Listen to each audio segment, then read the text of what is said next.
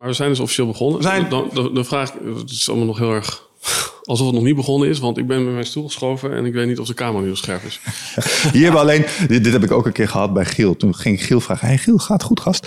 Weet je wel, je zit een beetje van je microfoon af te praten of zo. Dus andere contentmakers die zijn hier heel bewust mee. Zeg maar, zo van, ik heb, heb ik het shot nu niet vandaag op? Nee, zeker nog, je hebt het beter gemaakt. Je, ziet, je ziet er nog beter uit dan dat je de eerste uitzag. Dus Alright. nee, no worries there. Ehm, ja, voor de mensen die zich afvragen, maar wie zit er dan vandaag in hemelsnaam aan tafel? Ehm, nou, deze man heeft denk ik minstens evenveel eh podcastuurtjes eh, geklokt als ik zelf. Ik zat in mijn prep even door je line-up aan gasten heen eh, te kijken. En eh, ik was impressed en ook een beetje jaloers op sommigen. Dat ik dacht van, oh wauw, ja, die heeft hij gesproken, die heeft hij gesproken. En dat was kicken. En, dus ik zag veel overlap in de dingen waar we over... interviewer. Maar misschien komen er hele andere producten uit die podcast zelf natuurlijk, want andere interviewer. Maar tegenover mij zit Eddie Boom van ehm, de Helden en Hordes podcast. En ehm, daarnaast, als ik het goed onthouden heb, de one-liner koning van Nederland.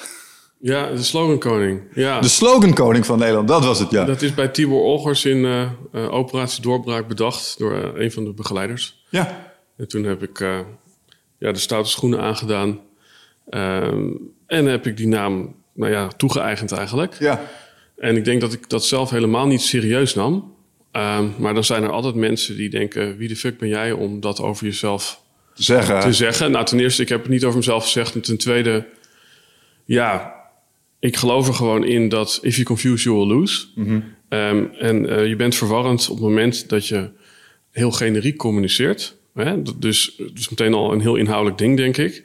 En ik heb ervoor gekozen om mezelf heel specifiek in de markt te zetten. Dus niet, ik doe iets met communicatie, want dat is heel generiek. Specifieker zou zijn, ik ben copywriter. Eh, nog specifieker zou zijn, ik ben short copywriter.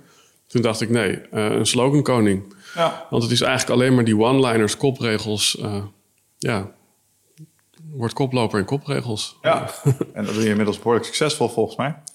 Ja, nou ja, kijk, wat is succesvol? In die zin eh, dat ik wel met, ja, in het wereldje noem ik het maar. En dat is natuurlijk, nou ja, wat is nou het wereldje? Ik denk, het is wel binnen het wereldje zelfhulp, persoonlijke ontwikkeling. Ja, daar, daar, is, daar is toch sprake van een bubbel. En in dat bubbeltje heb ik wel veel mensen mogen begeleiden.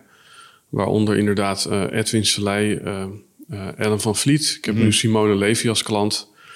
Ik heb ja, dit hele soort van slogan gebeuren begon een beetje bij Elko de Boer in de zaal. Dus die namen heb ik allemaal wel, nou ja, ofwel in de podcast gehad, ofwel als klant gehad. Ehm, maar bijna altijd allebei. Ja, ja, soms dat werkt. Mooi. Ja. Ehm, ja, want laten we, laten we het eh, naast over eh, het feit dat je... eh, mooi, wat, hoe noemde je dat nou? Eh, shorthand copywriter of zo? Ja, ja, short copy. Short dat, en copy. dat is ook niet door mij bedacht. Dat is bedacht door Ilker Smit. Daar eet ik regelmatig sushi mee. Dat is misschien een bekende naam ook. Mm. Ja. Ehm, nou, dat, het grappige is, noem het een lek bij de loodgieter. Maar eigenlijk alle termen die ik mezelf toe-eigen, die zijn niet door mijzelf bedacht. De slogan koning is door eh, eh, Ron en Bernd bedacht bij Operatie Doorbraak. Maar eh, short copy is bedacht door Ilko Smit. En de review van Ilko Smit, dat is eigenlijk mijn eigen klantbelofte. Namelijk, Eddie is meester in het verwoorden van jouw klantbelofte. En dat is een waardevolle propositie. Dus ehm, ja, om maar even aan te geven, het oog kan zichzelf niet zien. Het scherpste mes kan zichzelf niet snijden. En een vis weet niet wat water is. En zo is het. Een paar van tegelwijsheden op een rijtje. Nee, maar dit is precies wat... eh, het is een mooi voorbeeld hoe je gewoon... ehm, kan je nog zo goed zijn in iets, maar je hebt coaches nodig. Dus ehm, eh, ook op je eigen vierkante centimeter krijg je bepaalde ja, blind spots. Zeker als het om jezelf gaat. En dan kan het heel waardevol zijn als iemand je dat even aanzegt. Want ik denk dat iedereen ehm, wel een klein beetje dat imposter syndroom heeft. Zo eh, ik, ik denk dat je zelf ook wel hebt nagedacht over van... kan ik dit nou echt over mezelf zeggen? Ehm, en dan zit er, als het goed is, bij iedereen een soort van... ja, nee, ja, eigenlijk, ja, ik weet het niet zo goed. Maar dat maakt niet uit, want eh, een stukje bravoure, een klein beetje moed, dat is mooi. Bovendien, eh, zulke dingen, ja, ik weet niet. Ik vind het altijd tof als iemand ehm, eh, iets over zichzelf durft te vinden. Dus Ja. eh, het hoeft niet allemaal zo timide te zijn. Het is heel Nederlands. Steek je Ja. kop niet boven Ja. het maaiveld uit. En dan anders word je er afgehakt en zo. Mhm. Ah, ik weet niet of dat altijd werkt. Eh, het enige ding is wel, moet, moet je het wel waarmaken. Ja, een spreker als iemand die een boek heeft geschreven dat Get Your Shit Together heet, zeg maar. vanaf dat moment word je wel altijd langs die lat gemeten. Mhm. ja. Dus, maar dat, nee, maar hey, Helderman, iedereen heeft daar ehm, hulp bij nodig. Um, wat me er wel aan opviel, en dat is misschien, uh, ik denk het niet toevallig, is uh, inderdaad vanuit de zelfhulpbubbel. Uh, ja. En je hebt ook een podcast. En ja. je hebt heel veel van de mensen die zich daarmee bezighouden, heb je ook geïnterviewd. En een van de redenen voor mij om jou ook eens te willen spreken is, kijk, uh, jij bent eigenlijk het, ik denk, een soort gelijk iets aan het doen als wij hier, namelijk vanuit die gesprekken dingen halen die je inzicht geven, die je, mm kunt toepassen in je mhm. eigen leven. wat is er meer kicken als iemand spreken die dat voor, ook voor als werk heeft? Uh, en die er vast alle hele toffe inzichten uit heeft gehaald. Ja. Dus dat was een beetje mijn insteek voor vandaag. Mm en ik denk ook dat komt, je begint niet zomaar zo'n podcast. Mhm. Dus wat is jouw relatie in dat opzicht met persoonlijke ontwikkeling? En waarom is dat zo'n... Het lijkt er zo'n focus te hebben voor je. Ja, nou ja, kijk, wat is mijn relatie met persoonlijke ontwikkeling? Ik denk uiteindelijk... Uh, denk ik dat...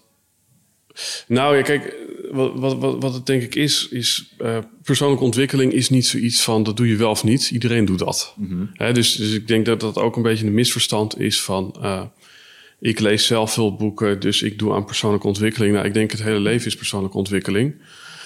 Um, ik denk dat wel uh, gezegd mag worden in mijn geval dat, um, dat, dat, dat er wel een aantal thema's waren waar ik eigenlijk wel door de bril van persoonlijke ontwikkeling naar moest kijken. Anders, anders kwam ik gewoon niet vooruit. Mm -hmm. En een van die thema's was uh, hypochondrie, dus ziekteangst. Uh, een ander thema was ja, dat ik denk ik meer schepen achter me heb verbrand in de liefde. Um, ja, dan, dan gemiddeld. Het wat, ja, wat is gemiddeld? Maar dus ik merkte gewoon, oké, als ik nu niks doe, dan gaan mijn relaties ja, gaan, gaan niet de kant op die ik wil. Als ik mm. nu niks doe. En ik denk, en dan kom je eigenlijk meteen met bij mijn definitie van ja, een, een, een, een probleem, als het gaat om een mentaal probleem, dan, dan is het, ja, als het gewoon heel simpel gezegd, je dagelijks leven uh, in de weg staat. Mm. Dus het is volgens mij helemaal geen probleem als je bang bent voor ziektes, maar wel op het moment dat je moet zeggen: Ik uh, ga vandaag uh, niet naar mijn werk, want ik ben bang.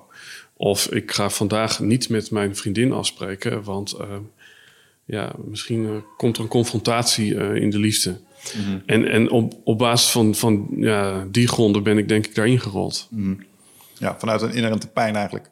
Ja, ik denk, ik denk het wel. Ja, ja nee, oké. maar de, want je zegt ja, iedereen is ermee bezig. Dat is waar. Maar niet, de, um, niet iedereen pakt Napoleon Hill op. Niet iedereen uh, gaat een Michael Pilacic podcast opzetten. Niet iedereen uh, pakt een, een boek over hypochondrie met als doel om... Dus dat, dat vergt ook wel een bepaalde houding, denk ik. Ja. En, dan, en dan al helemaal om er ook nog eens een keer een podcast over te beginnen. Ja. Um, maar laten we het daar nog even over hebben, over je podcast. Want ik, dat is ook zo'n ding, even los van je line-up. Um, ik vind jouw podcastnaam echt zo fantastisch. Ja? Helden en Hordes. Ja, waar is dat vandaan gekomen?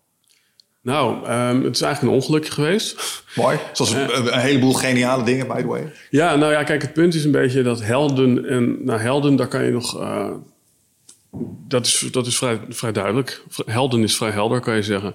Je uh, van ietsjes dichterbij trekken. Ja, uh, dus hel, helden is vrij helder. Ja. Um, uh, hordes heeft twee betekenissen. En ik had eigenlijk die naam geclaimd.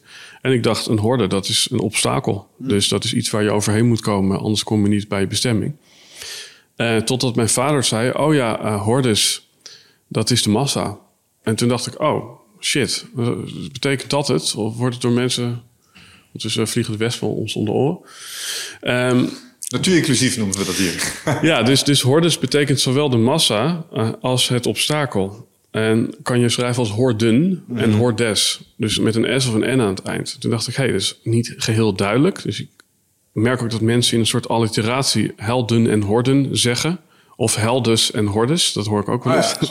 ja, Um, maar uiteindelijk was het niet erg achteraf dat het twee dingen betekende. Want wat nou als blijkt dat de grootste horde voor de meeste mensen de massa is? Mm. Namelijk uh, al die familieleden, en dan kom je eigenlijk meteen naar de essentie van mijn podcast, die jou eigenlijk steeds minder gaan begrijpen. En dan moet ik denken aan Aartjan van Erkel, die hier ook een keer heeft gezeten. Die zei, ehm, ja, eigenlijk is de weg naar succes binnen het ondernemerschap... dat is de transitie van steeds meer een celebrity worden voor steeds minder mensen.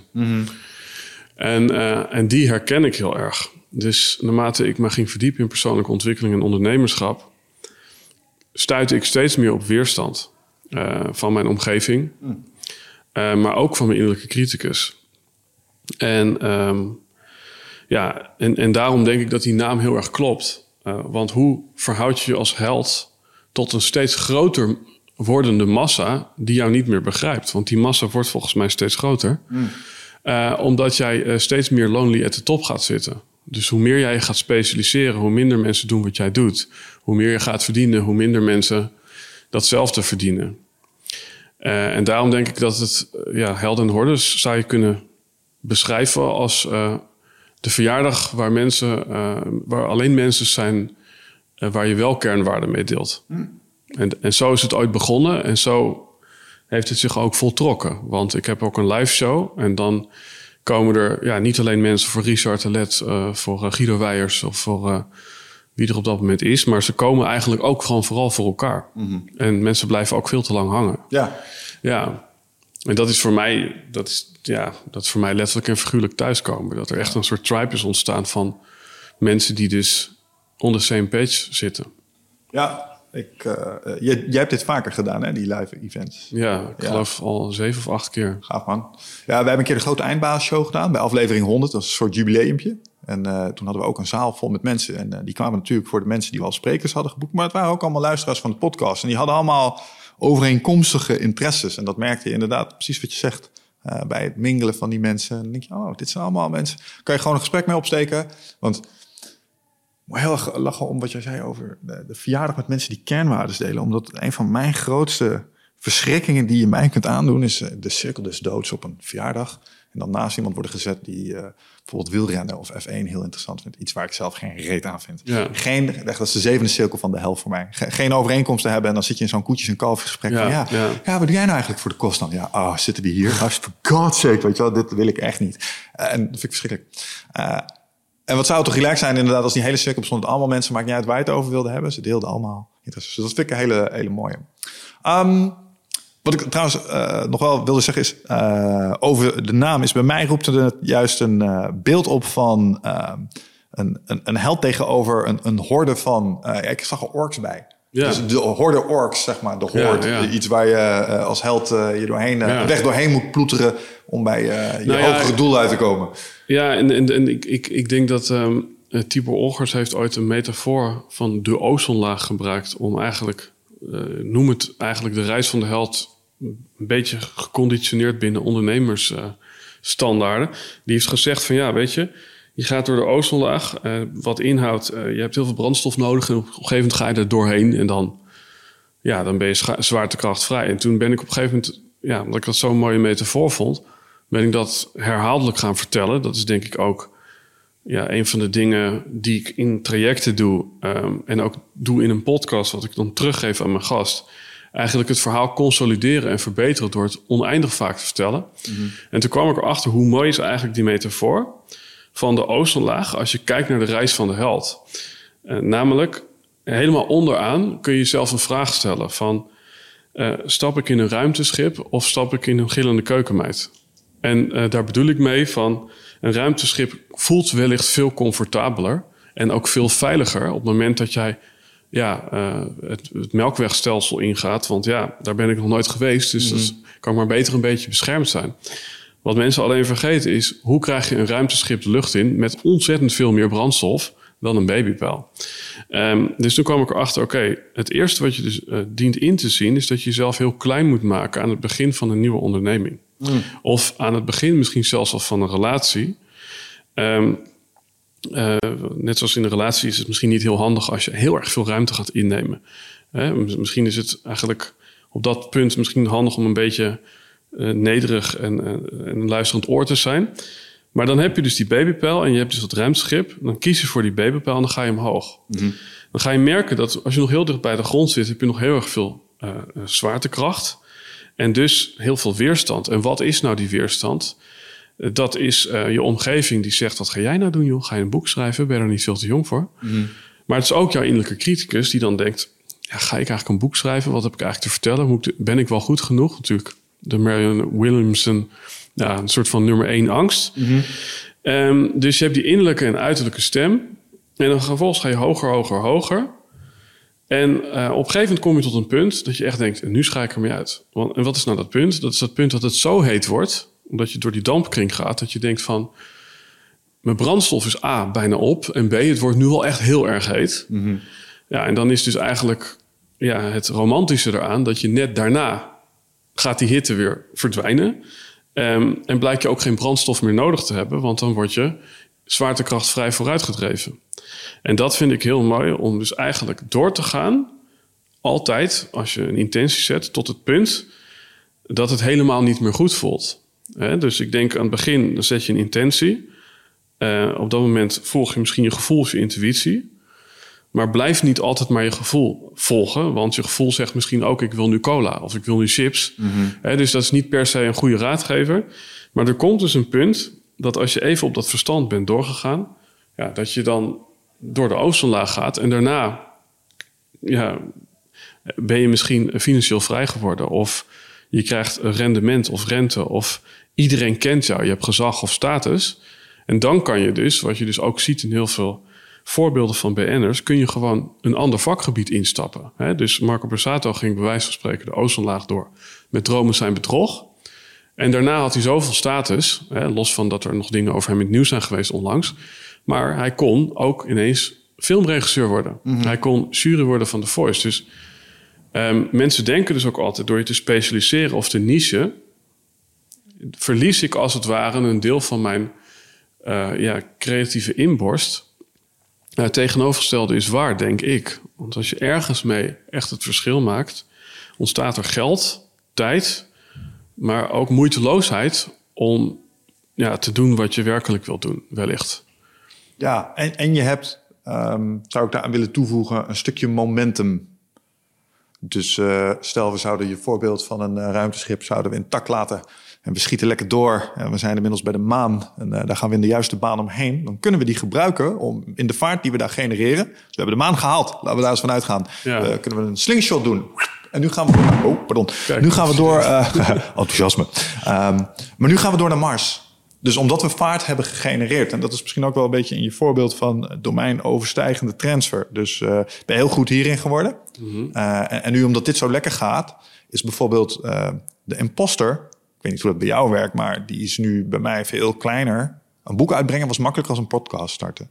Het volgende boek wordt nog, nog weer iets makkelijker. Eh, stel je, ik, ik heb wat ideetjes over een keer een documentaire ergens over maken. Ja. dat is ook simpeler. Waarom? Ik heb momentum gegenereerd op die voorliggende stationnetjes. Dus de dampkring uit richting de maan was tricky, was moeilijk, was zwaar. Maar we kennen het kunstje nu ook een beetje. Nu kunnen we de vaart die we hebben gegenereerd Ja. inzetten om andere dingen. Nou, op een gegeven moment is de weg terug langer dan de weg eh, vooruit. Dat, dat is het volgens mij. Ik denk op het moment dat je heel veel meters hebt gemaakt... om terug te gaan naar je veilige soort van schulpje... en daarin te kruipen, dat, dat is op een gegeven moment gewoon geen optie meer. En daarom is bij Helden en Hordes ook, ook nooit veranderd. Ehm, ergens voor staan, ook al sta je er alleen voor. Hè? Ik geloof dat Brian Tracy zei... stand for what you believe in... even if that means standing alone. Ja. En ehm, ik denk dat dat ook de hele beproeving is van... eh, is mijn nieuwsgierigheid groter dan mijn angst? Ehm, g- ik, ik heb een keer gehad, jaren geleden, dat iemand zei... Eddie, jij moet echt stoppen met vlogs maken, joh. Dat was in de kroeg. Eh, want eh, ja, ik was en niet goed in presenteren... en ik had ja, de kennis niet over het onderwerp... en ging zo, ging zo nog eventjes door. Dat was extreem pijnlijk, want ik was net begonnen met vloggen. Het woord bestond amper. Ehm, en toen zei hij er nog achteraan... ja, trouwens, ik zeg dit niet alleen namens me, eh, mezelf... maar ook na- namens ongeveer de helft van de mensen in deze kroeg... die ik niet bij naam ga noemen... want dat vind ik niet netjes naar hun. Nou, en dan zit je echt zo alsof je dan toch inderdaad die Frodo bent in de, in de Lord of the Rings metafoor die in die kroeg zit. En overal kijken boze mensen naar je of zo. Nou, ik ben letterlijk naar buiten gerend. En eh, toen heeft een vriend van mij hem nog te grazen genomen met een soort van eh, verbaal eh, terugschieten. Maar ik ben toen daadwerkelijk ook een paar maanden gewoon gestopt met, met YouTube. Uh, toen heb ik nog de blauwe en de rode duimpjes, want je had toen ook nog de, de rode duimpjes, die heb ik toen uitgezet. En totdat er weer een punt kwam dat ik merkte, ja, maar mijn nieuwsgierigheid is groter dan mijn angst. En toen heb ik het gewoon weer opgepakt. En ik denk, alles wat ja, door, door een soort van negatieve inslag van buitenaf ertoe kan leiden dat je stopt, dat is ook gewoon niet jouw ding. En blijkbaar eh, was bijvoorbeeld public speaking voor mij toch wel mijn ding, want daar ben ik sinds een paar maanden weer mee begonnen. Mhm. Maar to be honest, ik heb dat vier jaar niet gedaan, mede door dit incident. Ja, oh, interessant. Nou, ik kan het me ten eerste heel goed voorstellen, want dat voedt natuurlijk rechtstreeks in die stem in je hoofd die zegt dat je niet goed genoeg bent en dat je dit mm vooral moet laten. Dus ik vind het heel, sowieso kind of a dick move uh, als dit uit je vriendenkring komt, zeg maar, omdat zo uh, en dan te doen alsof er meer gewicht achter zit dan er misschien wel achter zit, weet je wel. Dus dat, dat, dat, dat, snap ik. Dus ja, sowieso. Dit, maar dit is exact het gevoel wat ik kreeg bij Heldens en Hordes. Snap je? Dan staat er zo'n onvriendelijke meute tegenover je, maar er ligt toch iets achter wat ik, wat ik wil. Uh, en wat ik, wat ik nodig heb en wat me roept. Dus ja, het is misschien niet leuk, maar ik ga het toch doen. Ja. Ik, heb, ik heb een soortgelijk, soortgelijke ervaring. En daar, uh, iets minder filijn alleen. Maar iemand die mij helemaal aan het begin van mijn podcastcarrière zei... Ja, Mies, zou dat wat doen? Jij maakt toch niks af. Weet je, als een beetje soortgelijk ja, iets. Ja, ja, Alleen, ik, ik, weet niet hoe dat bij jou zit. In mijn psyche gaat er dan iets aan wat zegt... Oh, dat zullen we nog wel zien dan. Ja. En ik heb soms in deze studio gezeten. Dat, nou, dacht ik daaraan. Oh ja, ja, ja, ja, ik maak niks af. Oh. dus uh, herken je dat? Uh, is dat? Is dat iets wat dan ook uh, nou, in jou? Ik, ik, heb, ik heb nog nooit een, een blootje van een sigaret. of nou, wel van een sigaret. maar nog nooit van een joint gehad. Per ongeluk een keer. Dat, dat is dan recent gebeurd. Anderhalf jaar. Hoe recent is dat? Dat ik op een feestje was en ik rookte toen nog wel eens. En toen was het, oh, ik heb nu een blootje per ongeluk genomen, maar echt één hijs. Maar ik in het spectrum drugs, inclusief psychedelica of plantmedicijn, ik heb echt helemaal niets gedaan. Hmm. En waardoor komt dat? Nou, precies dit voor, uh, voorbeeld. Mijn vader zei toen ik 16 was.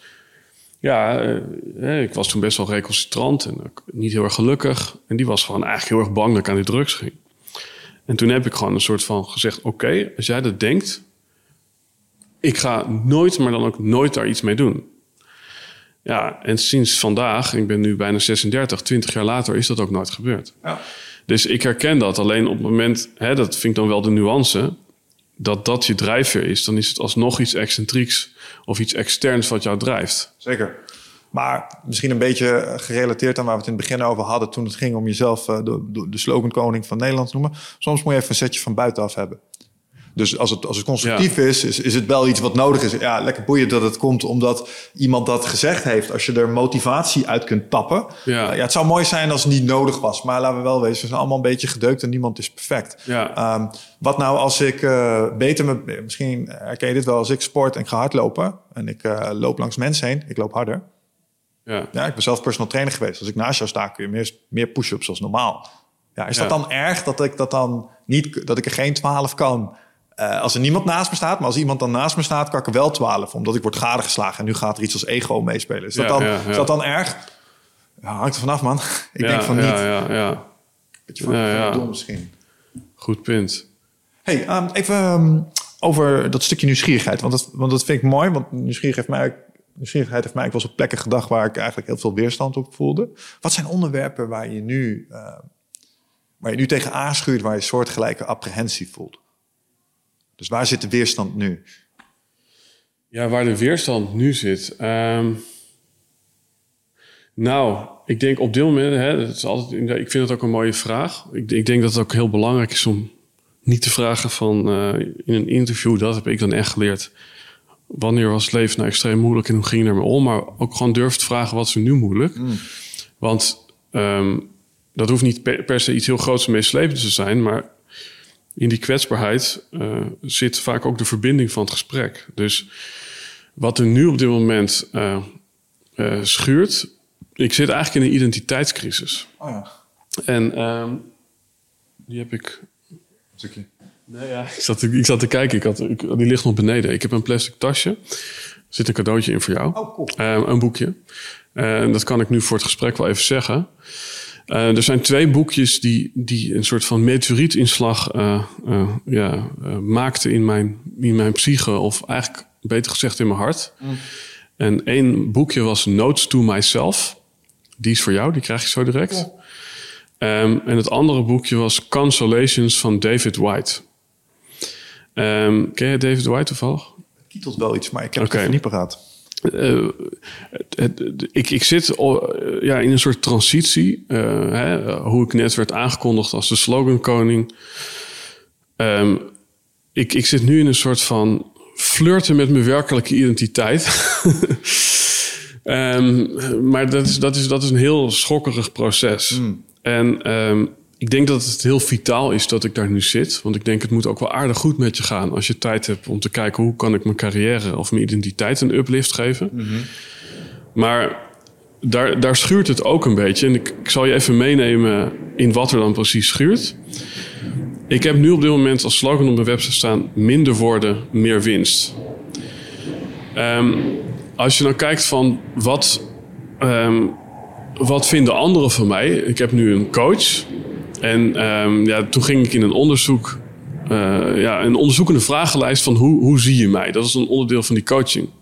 Toen heb ik iets van 15 of 20 mensen die mij goed kennen gevraagd wie ik was. En het is letterlijk zo dat 10 van de 20 die zeiden: Ik zie jou soort van out of the box gedacht, want dat was een vraag. Zie ik jou als spiritueel leraar? En de andere eh, tien die zeiden: Ja, out of the box gedacht, zie ik jou echt als een soort snelle reclamejong. Oké. En ik denk dat het ligt nogal uit elkaar. En er zat ook niet heel veel tussen. Toen dacht ik, hé, hey, als je het nou hebt over minder woorden, meer waarde. Dus niet winst, maar waarde. Dan is dat eigenlijk die reclame, jongen. Dus dan zou ik een opleiding maken in eh, ja, mensen de anatomie van virale copy eh, soort van ja, te leren. Want daar weet ik best wel veel vanaf door mensen daar jaren in te coachen.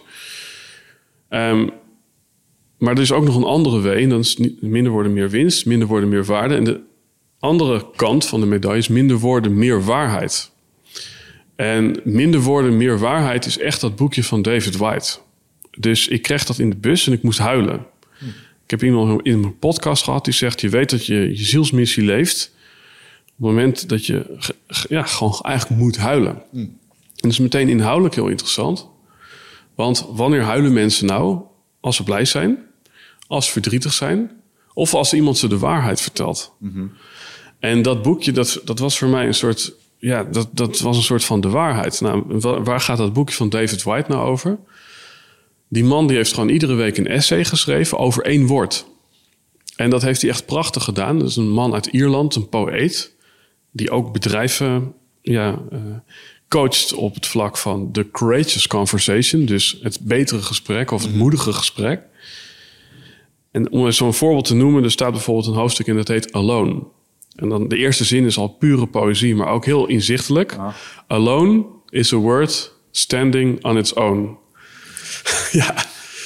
En dan staat er zo achter, en dat ga ik niet in het Engels doen. En wordt het meest ervaren, ehm, juist niet als we heel erg afgescheiden zijn van de gemeenschap, maar als we heel dichtbij anderen zijn. Bijvoorbeeld in ons huwelijksbed, eh, nadat we net getrouwd zijn. We raken onze partner aan, maar we voelen ons mijlenver van die persoon verwijderd. Dat is eenzaamheid. Ja, en dat, is- dat is dan zo mooi geschreven. En hij heeft dan op alfabetische volgorde... heeft hij dus 52 essays over 52 woorden gedaan. Later zei iemand heel erg knullig... Gast, die blogs van jou, als je die nou allemaal bundelt... dan heb je één essay per week en dan is het ook nog een boek. Ja. Dus dat was een soort co-accidentally, zeg maar. Die hoek die inspireert mij enorm. Omdat ik heel erg ben ook van minder woorden. En ik, ik heb nu al de essays in mijn hoofd over essentialisme, eh, eigenaardigheid, eenvoud, esthetiek. Maar dan is er ook nog zoiets als: oké, er zijn mensen die willen gewoon een slogan bij mij kopen. Ehm, en eh, die willen taalvaardiger worden. Of die willen een virale titel schrijven voor een Instagram-post. Ja, en dan zit je een beetje in. Ik, ik zit een beetje in een spagaat tussen toch meer die poëet, die kunstenaar. of toch die spiritueel leraar. Al, al vind ik dat nog steeds een allergiewoord. Ehm, maar ik heb gewoon heel veel met spiritualiteit. Dus ook heel veel van mijn interviews zijn met Koos Jansson, Willem Glaudemans en Tijn Touwer. Dus ik zit gewoon in een soort crisis in dat wat er van me wordt gevraagd uh, door, door de massa, heb je hem weer. En dat wat er wordt gevraagd, uh, uh, ja, noem het maar door mijn higher self. En, en, en dat is op dit moment heel kwetsbaar. Dat, dat is zo kwetsbaar dat ik het gevoel heb dat ik een open ruggetje heb. Um, en um, een beetje zoiets van: ik zet mezelf open. Ik laat binnenkomen wat, wat ik misschien, misschien wil gaan doen. Maar in die opening kan de duivel ook naar binnen sluipen. Hmm. En wat is nou de duivel? Dat is uh, dat je een beetje een soort van ver, verward bent. Je zit op een rotonde, maar je, het, mist, het is mistig en je weet nog niet welke afslag je pakt. En dan zijn er dus mensen, goed bedoeld of niet, die jou wel even gaan vertellen: gast, dit moet je doen. Hmm. En dat is wat ik bedoel met de duivel, die dus ook binnensluipt als de deur op een keer staat. Ja, ik snap het dilemma. Je hebt uh, 36 was je toch? Bijna. Ja, ik denk dat dat, uh, ja, ik wil niet zeggen dat het de standaard is, maar rond die tijd zat ik ook in een soort identiteitscrisis. Dat was net voordat ik begon met eindbazen. Denk je dat het een uh, vervroegde midlife crisis is? Ik weet het niet. Nou, uh, ja, ik denk dat het een beetje het beste samengevat, doe maar, is dit alles? Dus is wat ik nu aan het doen ben nou echt het ding wat ik voor de rest van mijn leven ga doen en ga ik daar helemaal gelukkig worden? En de beste manier om dat te omschrijven is, zit ik op de juiste snelweg? En ik denk dat als je op de verkeerde snelweg zit en je bent gas aan het geven, dat voel je. Ja. En ik gun iedereen het gevoel om de juiste afslag te nemen. Mm. Maar als je het hebt over rotondes en afslagen, is er altijd. Ik ben zo'n gasten, ik ben Burger King. You can have it your way. Dus uh, ik denk dan altijd, why not both? Ja. Why not both? Weet Ja, je wel, links ja. of rechts, waarom niet rechtdoor? Why not? Mhm. Is er een mogelijkheid te bedenken waarbij het beste van die beide werelden misschien Ja, tekort- ik- ik- Dat is mijn neiging dan direct, weet je wel, om die kant op te denken. En daar ben ik het ook eigenlijk ten diepste mee eens. Alleen ehm, dan hoor je dus nergens bij. En dat is precies eigenlijk het helden en hordes thema. Je bent eigenlijk in je, jouw ego zegt, Eddie, je bent nog vlees, nog vis. Nee, ik denk, oké, wat ik ja, dan, dan is misschien een andere manier om ernaar te kijken, is je staat dan in eerste instantie alleen. Want hoe begin je een beweging? Je Ja. kent het filmpje, doe- iemand gaat een dansje doen, komt het, ik kom naast je staan, ik kom gewoon met je meedoen. En dan komt er vanzelf wel een derde en een vierde bij. Nou ja, en in die zin ehm, vind ik het een soort van... eh, dat, daar heeft David White het ook over, over de invitation. En ik heb gewoon ergens die uitnodiging gehad, ook letterlijk. Ehm, ik was met Creative Consciousness, ik weet niet of je hun kent. Het heet nu Conscious Academy. Zij hebben een kerk in Rosmalen. Ja. Ja, ik kreeg eigenlijk min of meer de vraag van... eh dude, kan jij niet een soort next generation... eh, eh, ja, zelfhulp, spiritualiteitscoach worden binnen onze organisatie? En het was echt zo van... eh eh, me, weet je wel. Ehm, ja, maar, maar ik kreeg die vraag wel. En, ehm, en, en dat vind ik dan meteen ook zo super inspirerend aan zo'n David White... Hij is, hij is, hij, hij is eigenlijk. ehm, hij, hij, eh, ja, hij vult de ruimte heel mooi op tussen business en poëzie. Dus tussen esthetiek en pragmatiek. En, en ik denk dat ik ook op die plek heel graag zou willen zijn. Ja. Ehm, dat, de, ja, dat er vaak wordt gekeken, hè, dat zie je ook bijvoorbeeld in... is een website mooi of is een website converterend? Maar bestaan er ook websites die mooi en converterend zijn? En toen heb ik ooit de website voor 365 dagen succesvol gemaakt. En toen, toen zei ik tegen Arjen van ja, we hebben nu dit vormgegeven. En toen zei de usability guy, ja, maar het moet zo en zo. En toen zei hij, jongens, wat nou als we geen concessies doen aan beide? En dat is volgens mij waar jij het nu over hebt. Ja. Ja, en niet in de laatste plaats omdat je iets irritants, eh, irritants, interessants zei over ehm, iets wat misschien wel irritant is, een jeukwoord, namelijk spiritualiteit. En dat is iets dat herken ik echt heel erg, omdat ehm, ik denk dat spiritualiteit, net als filosofie, echt een heleboel goed zou kunnen brengen voor een heleboel mensen. Alleen het is ook een beetje, ja, eh, er zit een beetje de, de Jomanda. eh, vibe hangt eraan als je het hebt over spiritualiteit. Het wordt al snel zweverig. Ja. Het gaat al snel over blauwe jurken, kralenknikkers en eh, de, hoe heet dat, kristalletjes en dat soort dingen. Terwijl er een hele directe, toepasbare, pragmatische waarde is. En misschien zit daar juist wel de, de quest Ja, Dus iemand die dat weet te overbruggen, omdat... Kijk, ik, ik vind Jan Geurts fantastisch. Maar als ik dat aan uh, bijvoorbeeld mijn uh, user base... Uh, dat zijn allemaal IT'ers, informatieprofessionals... ja, dat gaat voor 90% gewoon echt te ver. Ja. Dat, dat, is te hoog gegrepen. Ja. Um, en, en dan verlies je ze. Terwijl de, de dingen die hij zegt zijn natuurlijk goud. Ja. Uh, maar dat vergt een bepaalde immersie in de, in de materie. En wat zou het toch tof zijn als er iemand op het zeg maar, een stukje dichter tot ze kwam. Uh, en die kan ze dezelfde inzichten, kan ze een glimp van geven. Maar wel meer gekoppeld aan hun dagelijkse werkelijkheid.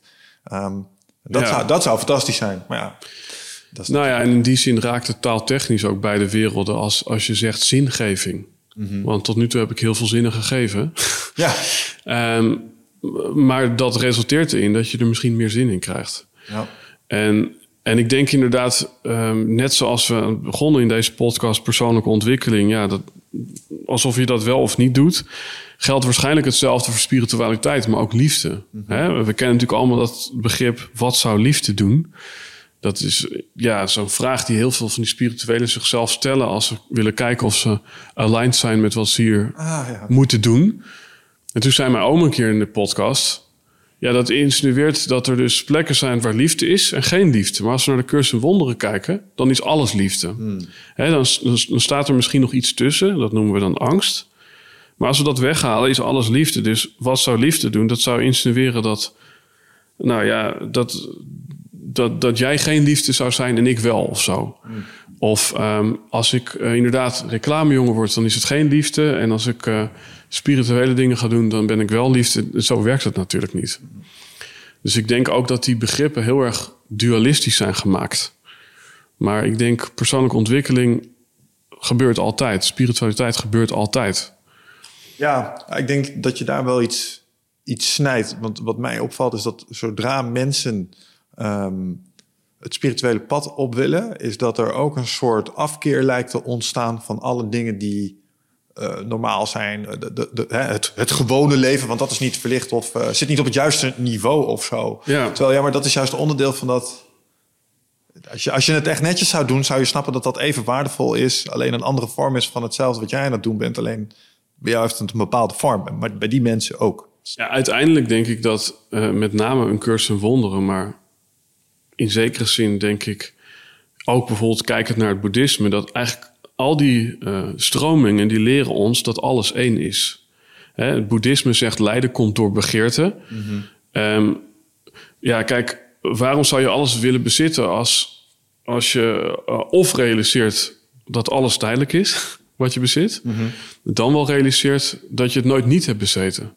Want ja, ik bedoel, uh, wij zijn hier allemaal uiteindelijk uit dezelfde kern uh, gekomen. Dus, dus, dus ja, dat hele begrip eenheid, uh, dat, dat is eigenlijk de hele boodschap volgens mij van spiritualiteit. Mhm. En op het moment dat dat de boodschap is en na wat meditatiesessies en satsangs ben je erachter gekomen, um, hij is echt niet goed bezig, hij is echt niet spiritueel, ja, dan, dan ben je volgens mij verder van de eenheid afkomen te staan. Juist. Dat is exact wat ik bedoel. Ja. ja. Veel interessant dat je zegt, al, al die dingen prediken eenheid. En dat opzicht zou ik, uh, gelet op je relatie die je daar straks omschreef met psychedelische middelen, zou ik je er bijna een gunnen. Omdat je daar bijna lijfelijk kunt ervaren. Ja, misschien met ademhaling, meditatie ja. en vaste isolatie kun je ook heel eind uh, die kant op komen hoor. Maar ja, um, het is nou eenmaal zo dat ik, ik, ik, herken wat je zegt. En het is natuurlijk iets wat in de jaren zestig door andere groepen mensen ook uh, werd mm -hmm. geroepen. Dus uh, in dat opzicht denk ik dat, dat je gelijk hebt. Um, dat, dat, stukje spiritualiteit, was dat altijd al iets wat je, wat je ook boeiend vond? Of is dat over de loop der tijd gekomen? Nou, ik, ik kom echt wel uit een spiritueel nest ook. Okay. Ik bedoel, als je het dan toch hebt over een cursus in wonderen... dan was mijn opa echt 30, 40 jaar geleden daarmee begonnen. Dus ja, dat, dat, is, dat, vind, ik, dat vind ik eigenlijk ook magisch. Ik denk, uiteindelijk uh, verzetten we ons best wel... Ja, het, uh, vaak tegen onze oorsprong. Dus we willen niet de muziek luisteren die onze ouders luisterden. Um, we willen absoluut niet ook een christen worden als we christelijk zijn opgevoed.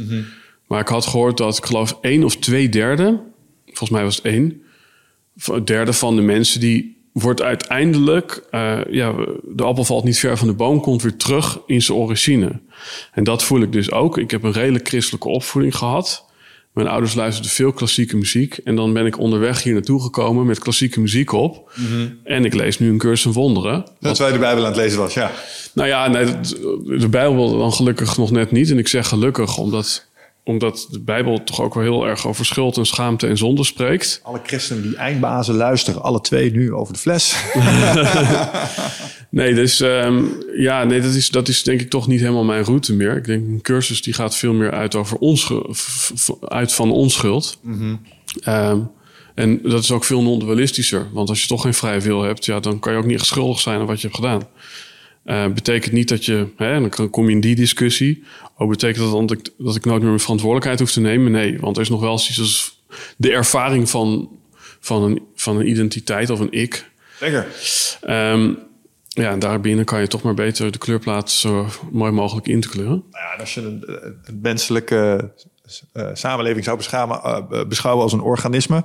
Kijk, is een virus nou inherent kwaadaardig omdat het een lichaam probeert uh, binnen te vallen? Nee, maar het organisme heeft wel een immuunsysteem. Dus als er malafide actoren zijn, kunnen ze vrij wil hebben of niet, dan verwijder je wel uit je systeem. En ja. dat is wat een gevangenis en in het ergste geval doodstraf is, bijvoorbeeld. Ja. Omdat dat, ja, daar ontkom je niet aan. Ja, als je wat langer nadenkt over vrije wil, kunnen we ze dan uh, eigenlijk aanrekenen wat ze daar gebeurd is. Hè? We kennen allemaal de voorbeelden wel waarbij bepaalde mensen gedrag vertoonden. Leg je ze in een hersenscanner, hebben ze tumoren. Haal je de tumor weg, slechte gedrag ook weg. Ja, zijn ze dan nog schuldig aan het gedrag wat ze daarvoor hebben gedaan? Ja. Ja, ik denk het wel, want je hebt gewoon de schade brokkend. Dus er is ja. gewoon een mate van aansprakelijkheid, ongeacht dat jou ook een soort van overkwam. Maar dat zijn inderdaad uh, interessante ja. discussies in dat opzicht, ja. jij bent dus non-dualist in dat opzicht. Nou, um, ik denk dat ik. Uh, ik, ik, dat is ook, hè, als je het hebt over kwetsbaarheid, van ik zit dat op dit moment te onderzoeken. Van waar zit ik op de lijn van bewustzijn? En dat, dat rijmt. Uh, ik denk dat ik behoorlijk bewust ben van uh, hoe dingen werken. ook, ook aardig zelfbewust ben. En tegelijkertijd ben ik ook zelfbewust genoeg om te zien dat ik dat, dat ik wel degelijk nu bezig ben met een, een, ja, een nieuwe Audi te willen. en dat ik ook wel degelijk bezig ben met meer geld te willen verdienen. Ja. En um, nou ja. Dus de monkey mind. Ja, dus, dus, dus, dus dat, het inzicht dat misschien alles één is, dat heeft er in mij nog niet toe geresulteerd dat ik. Uh, ja, eh, eh, het, het ondernemerspelletje niet meer interessant vindt of zo. Ja, het is de dualiteit van mensen. Dus uh, we kunnen over fantastische, hoogdravende spirituele concepten denken, maar ondertussen ook de Audi willen, omdat uh, iets in ons zegt dat dat. Uh, ja, ik had laatst Gert Saat nog geïnterviewd, als evolutionair psycholoog. Ja, hij bevestigt het gewoon weer. Het is gewoon 98% seksuele selectie ja. of, of zo, weet je wel. Ja. En ik, ik, weet niet wie ik dat ooit heb op deze manier horen zeggen, maar dat vond ik zo mooi. Uh, want je bent wel een beetje van de uh, mooie, mooie zinnen. Maar de mensheid is eigenlijk um, de vallende engel ontmoet de reizende aap, zeg maar. Falling angel meets the rising ape. Dus wij als aap reizen richting, hè, echt letterlijk. Ja, ja. voorbeeld, we reiken richting de sterren. En er zit ook iets, iets, iets goddelijks, iets divines in ons. Dat soort van terugtrekt. En daar in het midden, daar zit alles wat mens zijn is. Dus mm -hmm. het, het meest primaire, vulgaire wat er ook in je kan leven van woede, haat tot lust, tot whatever, tot de meest uh, ontroerde gevoelens bij een bepaalde compositie noten die mm. uh, een soort bijna godservaring met zich meebrengt. Ja. Kan allemaal in hetzelfde pakketje voorkomen. Fantastisch. Ja. en, en ik denk dat, ja. Nou, ik denk, ik denk dat uiteindelijk, hè, want ik, ik ben ondertussen gewoon jouw vraag nog op een soort van ander metaniveau aan het proberen te beantwoorden. Kijk, ben ik non-dualistisch? Even een kleine interventie. Ik vind het in die zin heel tof dat ik hier ben. Ja. Um, ja, ten meer om de reden dat mijn eerste Nederlandstalige podcast die ik luisterde... Ik heb op een gegeven moment een iPhone gekocht... omdat ik dan ja, een iPodcast kon luisteren. Want daar, ja, ja, daar komt het woord volgens, volgens mij vandaan. Um, en toen zei, ik geloof Steve Jobs of zo een podcast is een rijdende universiteit. Want je wordt, stapt altijd slimmer uit je auto dan je erin stapte. Mm. En dat is dus ook in Amerika uitgevonden vanwege die lengte van, van ritten. Ja, dan kan je maar beter gewoon een paar uur relevant luisteren. Ja.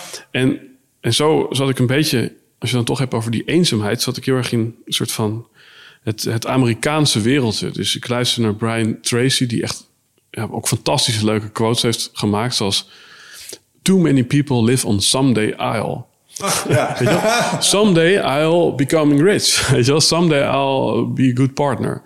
maar ja, vond ik geniaal. Eh, ja, ook als Every ma- Master was once a disaster. En hij heeft heel veel van dit soort leuke dingetjes. Maar goed, op een gegeven moment werd het tijd om ook op Nederlandse bodem te gaan kijken. En toen was mijn eerste uitnodiging, invitation, heb je het woord weer, was een podcast die mijn compagnon toen naar me toe stuurde met Paul Smit. En die zat bij Eindbazen. Oh ja, die kennen we. Dus mijn eerste Nederlandstalige podcast was een podcast over non-dualiteit. En ehm, dat heeft mij nooit losgelaten. Ik heb toen ook heel veel van Paul Smit geluisterd. En eh, met Patrick Kikke. Toen resulteerde dat erin, net zoals dat boek waar ik emotioneel van werd, van fuck, dit heeft iets met mij te maken. Was dat moment dat ik dacht, fuck, die Paul Smit heeft iets met mij te maken. Hoe de fuck kan ik hem in het echt spreken? En toen heb ik gewoon letterlijk nou, bij, bijna al mijn spaarcentjes, want ik had in die tijd niet heel veel te besteden, heb ik toen allemaal gestopt in een setup voor een podcast. Eh, en toen heb ik eh, Paul Smit uitgenodigd. En zo begon eigenlijk mijn podcast. Dus dat, dat heb ik ook aan jullie te danken in zekere zin. En, en nu kijk ik naar die non-dualiteit. Hè? Paul Smit zegt zelf, eerst waren er bergen en rivieren. Toen was alles energie. En toen waren er weer bergen en rivieren. Dus hij beschrijft ook dat je op een gegeven moment weer incarneert in die dualiteit. Maar je bent even boven geweest. Je hebt het even vanuit een ander perspectief gezien. En ik geloof dat ik nu dus ook weer terug de materie in ben gedoken. Want ik heb echt een jaar gehad dat ik echt dacht van... Ik zou dat geen verlichting willen noemen. eh, maar wel... Nou, eigenlijk eerder verlichting was bij mij meer een verzwaring. Want, want het, het leven werd zo nutteloos. En daar had ik vooral last van. Vind ik echt mooi. Je bent de eerste die ik in dat opzicht verlichting hoor gebruiken in de context zoals ik denk dat die gebruikt zou moeten worden. Want de meeste mensen verlichting altijd beschrijven als een kaars in het donker. Licht, licht letterlijk licht. Ik denk dat verlichting gewoon minder zwaar door het leven is. Dus gewoon, wat Ja. in je rugtas zitten? Ja. Helemaal niks. Helemaal Ja, niks. niks niks kleeft aan mij. Dus ik neem geen bakstenen mee. Dus dat vond ik tof. Mooi. Ja, exact. Ik denk dat het een vorm van de-identificatie is, waardoor je dus ook niet het gewicht van de materie waarin je geïncarneerd bent, eh, ja, heel erg eh, ja, om- als een soort van rugzak op je rug voelt hangen. Maar, maar oké, toen was bij mij dus die non-dualiteit als het ware geboren. En als ik er nu, en daarom vind ik dit soort gesprekken ook zo leuk, want het is ook gewoon zelfinzicht. Als ik er nu naar kijk, dan is eigenlijk alles wat ik doe, is eigenlijk het belichamen van de non-dualiteit in de dualiteit. Dus al mijn slogans, die zijn ook eigenlijk eh, paradoxen of tegenstellingen. En daarin ja, reik je eigenlijk richting het vinden van non-dualiteit in de dualiteit. Dus een zin als... ehm, ehm, als je jezelf te veel repareert, ga je stuk.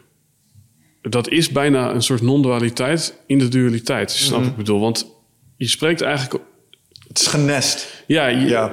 Je, je, je, je raakt twee kanten van, van, de, van de polen aan, maar je raakt ze ook allebei niet aan.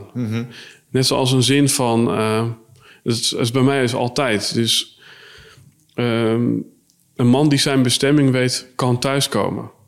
Ja, dus ik verzin eigenlijk altijd eh, zinnen die zichzelf tegenspreken. En daar kom ik eigenlijk nu door dit gesprek achter. En dat is voor mij een vorm van non-dualiteit. Interesting. Ja, eh, sowieso. Eh, ik wil het zo even hebben met je over de schoonheid van taal. Want dat is hier ook iets wat me echt eindeloos fascineert. Hoe een bepaalde combinatie van geluiden met je mond... een direct ander effect kunnen hebben... op wat er uitkomt aan handelen.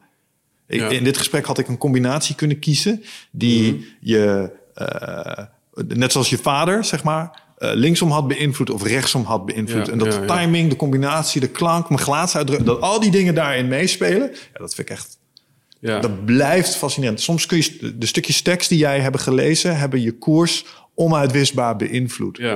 Dat is een combinatie van woorden. Dus tekentjes achter, dat is toveren volgens mij. Ja. Dus dat, dat sowieso ten eerste. Ja, en nog even over Paul Smit. Die gast die is, eh, en ik, ik hoor bij jou ook, nou ik weet niet of bij jou een crisis was, maar eh, verantwoordelijk voor eh, de gemiddelde existentiële crisis, denk ik, voor mensen die het non-dualisme op die manier voor de eerste keer Ja, aanraken. ja. Want dat was voor mij wel echt een mindfuck hoor. Zo van, dus ik heb geen vrije wil. Nou, eerst wat ik, nou, zullen we nog wel zien dan, weet je wel. dus dan sta je voor je koelkast. Ja. En, en dan sta je, ah, ik ga even dit pakken. En denk je, leg je het weer terug. Nee, nee, nee, ik ga het niet pakken, want uh, ik kies zelf wat ik doe. Ja, weet ja, en, dan, en dan ga je daar weer langer over nadenken. Denk je, maar waarom dacht ik dat nou precies dan? Ja. En het mooiste voorbeeld voor mensen die nou, nieuw zijn met vrijwillig... want dit was al een onderwerp in de podcast... uh, een paar jaar geleden hadden we het hier best wel vaak over. Ook dat Wichterman gaan weer, weet je wel. Dus ik voel me een klein beetje ongemakkelijk op dit onderwerp. Dus sorry als het weer een keer uh, voorbij komt. Maar de beste... De beste uh, degene die het het beste heeft uitgelegd was Sam Harris. Wat natuurlijk ook een mm. free will... ja, eigenlijk... Het is, een mooi, het is inderdaad een mooi bruggetje. voor, ieder, voor iedereen, iedereen die luistert in de, hij heeft Waking Up, die app. Ja, ja. Daarin zit dus een module met alleen maar gedichten van David White. Oh, perfect. Um, omdat, ja, toen er corona was, toen ging ik zijn gedichten luisteren. En die hadden bijna meer impact dan een goede meditatie. Omdat zijn gedichten ook zo non-duaal en zo troostend van aard zijn. Dan komen we terug bij die combinatie van woorden. Ja, ja. Als poëzie is, is het iets, het zijn een soort toverspreuken eigenlijk. Ja, dat is ook zo. Ah, interessant. Maar Sam Harris dus. Uh, want Sam Harris had het voorbeeld wat mij echt aan het, uh, het me liet snappen. Mm -hmm. um, en dat was uh, het voorbeeld van de stad. Noem eens een stad. En dan zeg jij Amsterdam. En dan stelt hij de vraag, waarom Amsterdam? En dan zeg jij, ja, weet ik niet. Ja, ik dacht aan Rotterdam. Toen dacht ik, dan pak ik toch Amsterdam. Ja, oké, okay, maar waarom kwamen die twee keuzes? Want jij kent, hoeveel mm -hmm. steden ken jij? Ja, wel 200. Ja, waarom die twee? Had je geen keuze, had je geen... Je bent niet een register van alle beschikbare stedennamen langs gaan. Het waren er gewoon één of twee. Ja. Als je een beetje eigenwijs bent, omdat je weet dat je in een experimentje zit... ga je nu na je eerste ingekomen antwoord... ga je een tweede mm. verzinnen. Maar dat is omdat je recalcitrant bent. Um, maar waarom niet iets anders? Ja. Nou, en, dat is gewoon dat is een, een resultaat van, van een, soort, een soort formule... die op dat moment uh, afgaat. Een aantal ja. wegingsfactoren die daarin uh, in, in meegaan. Uh, en dus daar had je helemaal geen keuze over. Nee. Nee, het is waarschijnlijk ook een vorm van luiheid, denk ik dan. Het is een soort van, nou ja, ik denk als je dan toch die kast hebt met 200 steden, dan pak je waarschijnlijk de LP eruit die dichtstbij stond. Ja, en waarom, waarom doet je geest dat? Nou ja, omdat het hele register langslopen simpelweg te veel calorie kost. Ja. En je bent geëvalueerd voor een omgeving waarbij dat uh, ja, kan, ja. Niet, kan, niet, calorieën zijn schaars, dus mm -hmm. moet je voorzichtig mee zijn. Ja, mooi. Ja, denk ik echt. Wat, wat ja, nee, dit, dit zou echt een nuance zijn, maar. Um, nou, ik ga, ik ga dat nu toch al inbrengen, denk ik. Van, ik heb een keer een zin gemaakt voor een klant. En dat was rust in je hoofd in de kop van Drenthe. Mm -hmm. Ja, exact dat. He, voor de luisteraar, wat er nu gebeurt is... Oh, jij moet even grinniken en knikt ja. ja. Maar wat er dus feitelijk gebeurt... en dit spreekt dus hè, voor iedereen die uh, denkt van... hé, hey, ik wil ook iets leren over taal of copywriting... er wordt natuurlijk altijd gezegd less is more... Um, alleen um, op het moment dat less is more betekent dat de boodschap zo eenvoudig wordt dat wij niet meer hoeven na te denken, dan uh, wordt de boodschap ook niet meer opgeslagen Mhm. mm -hmm. en dan hebben we niemand bereikt. Mm -hmm. En op het moment dat de boodschap een klein beetje ingewikkeld is, dan moet je nadenken. En uh, als jij dan tot een oplossing komt, dat is bijna een soort wiskunde dit, hè? dan geeft jouw brein een stukje endorfine van ik heb de rebus opgelost. Dus je houdt meer van jezelf en je, ja. en je hebt een emotie ervaren. En we weten allemaal wat er gebeurt uh, als we een emotie ervaren. Dan onthouden we dingen. Daarom weten we waar we waren op 9-11. Dus dus wat, wat hier heel erg duidelijk in verscholen ligt van... Less is more heeft wel een soort van kanttekening. Uh, namelijk, vergeet niet dat je moet emotioneren. En vergeet niet dat je eigenaardig moet zijn... Um, want als je dat niet bent, dan wordt het niet opgeslagen. En kan niemand het morgen niet meer onthouden of doorvertellen. Ja, wat vind je in dat opzicht van... Uh, het ligt een klein beetje tegen kopje aan... die marketingformule van... Oh, weet die jongen nou? Meneer Simpson. Was hier in de studio. Die zei, wat je eigenlijk moet doen als je iets uniek... Uh, als je een event wil hebben... moet je een aantal dingen stapelen op elkaar. Iets bijzonders. Namelijk, we gaan iets... Uh, zijn voorbeeld was, we gaan in Um, gala-outfit, gefrituurde kip eten. Terwijl we toen de tijd, want een beetje la Marco Borsato... Alleen maar naar R. Kelly bangers luisteren. Dat kan je tegenwoordig ook niet meer opzetten. Net zoals oma Marco, kan je beter ook maar niet meer doen. Maar, um, Dus, dus wat eigenlijk zegt, het moet bijzonder zijn. Dus Ja. er zit nog een soort eh, tegenstrijdigheid in. Want gefrituurde kip eten in eh, netjes gala, ja, dat is natuurlijk raar. Mhm. En dan ook nog iets met iets bijzonders, met alleen maar R&B-muziek in een eh, bepaalde setting. En zeg, als je dat op een bepaalde manier stapelt, ja, dan zijn mensen meer genegen om dat interessant te vinden. En het is tegenwoordig allemaal een war for attention. Dus Mhm. dat soort dingetjes werken wel. En ik denk dat het met taal eigenlijk, ja, het leunt een beetje aan tegen wat je net zei, volgens mij. Nou ja, ik, ik heb denk eh, ik, ik, ik, ik heb onlangs, ik heb eergisteren een lezing gegeven in Gent. Met als titel eh, eh, Woorden worden waarheid. Maarten Onder de Linden. Deze heb jij bedacht, alsjeblieft. Nu ben je wereldberoemd. Hè, dus dat- dat is het ironische dat ik merk dat... Ja, ik van alles verzin, maar voor mezelf heb ik eigenlijk alleen maar van andere dingen gebruikt. Maar toen kwam ik er eigenlijk op en dat, dat het begint met, met eigenlijk een heel, heel simpel ding. En ik vind dit een hele belangrijke, tenminste in deze tijd, om, om mee te geven misschien aan de luisteraar dat ehm, het ontzettend eh, moeilijk is om wat ik dan noem buitengewoon binnen te komen. Ofwel bij je partner, bij je klant, of ja, door dat ene sollicitatiegesprek te komen. Waarom? Eén, omdat we meer afleiding hebben dan ooit. Hè? de- de- WordPress heeft alleen al 70 miljoen nieuwe blogs per maand. En dan hebben we het over één een platform. En dat is nog exclusief dat Tik- TikTok veel meer gebruikt wordt dan Google. Met al die prikkels van dien. Dus naast afleiding hebben we ook een aandachttekort. Dus Microsoft heeft echt onlangs een artikel uitgebracht... waaruit blijkt dat we in het jaar 2000 nog 12 seconden aandachtspannen hadden. Dat is inmiddels 8 seconden. Voordat we alweer naar iets anders gaan denken. Dus we hebben minder aandacht, we hebben meer afleiding... en last but not least, we hebben meer, derde A, anderen. Andere in de vorm van, in corona zijn er 3,7% meer ondernemers bijgekomen dan eh, in jaren daarvoor. En eh, ja, ook nog eens allemaal eenpitters. Eh eenpitters die ook zogenaamd allemaal wat anders doen dan jij, maar eigenlijk hetzelfde probleem oplossen. Hè, dus vroeger, oh, ik heb, ik heb stress, ik ga mediteren. Inmiddels spreken we alweer van vroeger als we dat zeggen. Tegenwoordig is het, oh, ik heb stress. Ik kan kiezen tussen meditatie, een ijsbad, eh, een zweethut. Ja. Ehm, en dat noemen we eigenlijk schaduwconcurrentie. Dus we hebben te maken met eh, een bioscoop die heeft geen last van eh, het filmhuis. Nee, die heeft last van de sauna. Want in beide kan je ontspannen op zaterdagmiddag. Dus, dus ja, hoe kom je in een wereld waar je meer prikkels op een dag krijgt dan in de middeleeuwen in je hele leven, nog buitengewoon bij iemand binnen, als mensen minder aandacht hebben, meer anderen als concurrentie eh, zien en meer afleiding ervaren. En dan zegt Tibor zo mooi: afleiding is een groter probleem tegenwoordig dan tegenslag. Want daardoor kom je ook niet ja, tot je punt. Ja, en toen, heel, heel verhaal dit, trommelgeroffel, kwam ik erachter. Er zijn dus drie elementen om buitengewoon binnen te komen. En dat is emotie, eigenaardigheid en eenvoud. Nou, wat betekent nou emotie? Dat jouw boodschap of emotioneel moet zijn... of als je de boodschap begrijpt, dat je moet lachen of huilen. En dat was wat er net gebeurde met rust in je hoofd en de kop van het rente. Dus meer emotie toevoegen, meer eigenaardigheid. Dus voorbeeld, ik had een blog geschreven... waarom de wet van aantrekking mij niet meer aantrekt. Het is mijn meest gelezen blog ooit.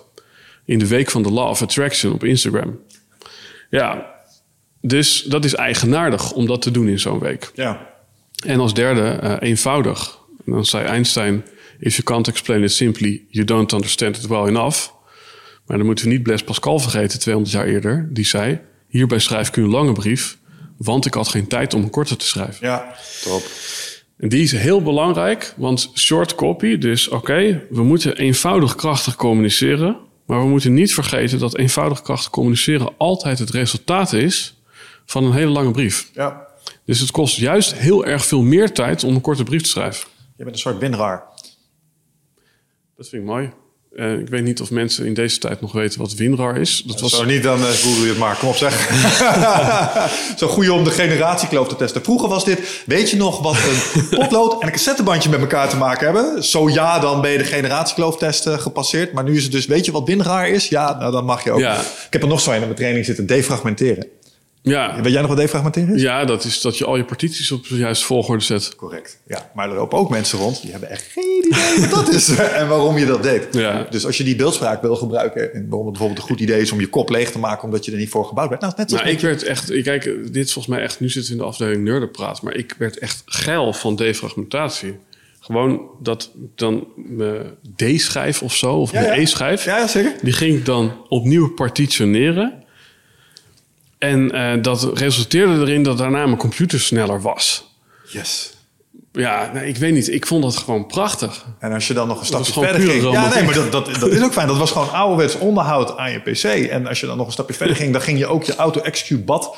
En dat soort dingetjes. Eh, en er was nog zo'n eh, executable die aan het begin van je computer. En dan kon je bepaalde geheugenallocaties doen. En ik heb nog met 386, 486, de oude Amstradjes en zo. Ja, en en, dan wilde je elk stukje zeg maar, performance eruit persen. Dus dan ging je overklokken. En Ja, inderdaad. Ja. Overklokken, je kloksnelheid omhoog. Ja, ik weet niet. Dit is denk ik wel even een heel ander onderwerp voor sommige luisteraars. Snap ik. Maar niet minder waardevol in dat opzicht. Ja, of, of ik weet nog wel dat ik op een gegeven moment, eh, toen werd ik 18, en toen zei mijn moeder, wat wil jij? En toen zei ik, ja, ik zou echt, ja, als ik echt alles mag vragen omdat ik nu volwassen ben, ja, ik zat nog over na te denken, 64, maar dan wil ik echt 128 MB RAM erbij.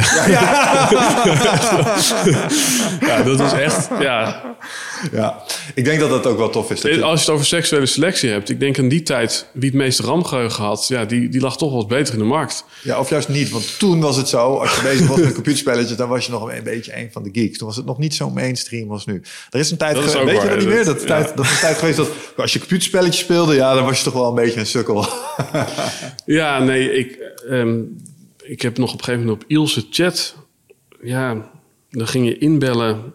En dan had mijn vader internetkostenbeheersing van KPN op mijn computer gezet. Ja. Nou, het eerste wat ik ging googlen toen ik op internet mocht, is hoe haal je internetkostenbeheersing eraf? Tuurlijk. Dus Dus dat- dingen. Ja.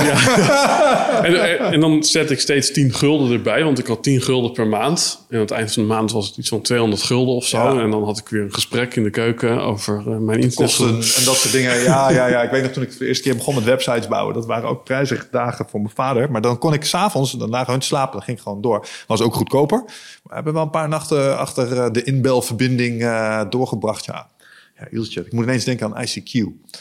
Oh ja. Maar nou wordt het wel echt een oude mannenpraatje voor mensen Ja, oké, dus meer weten wat dat is.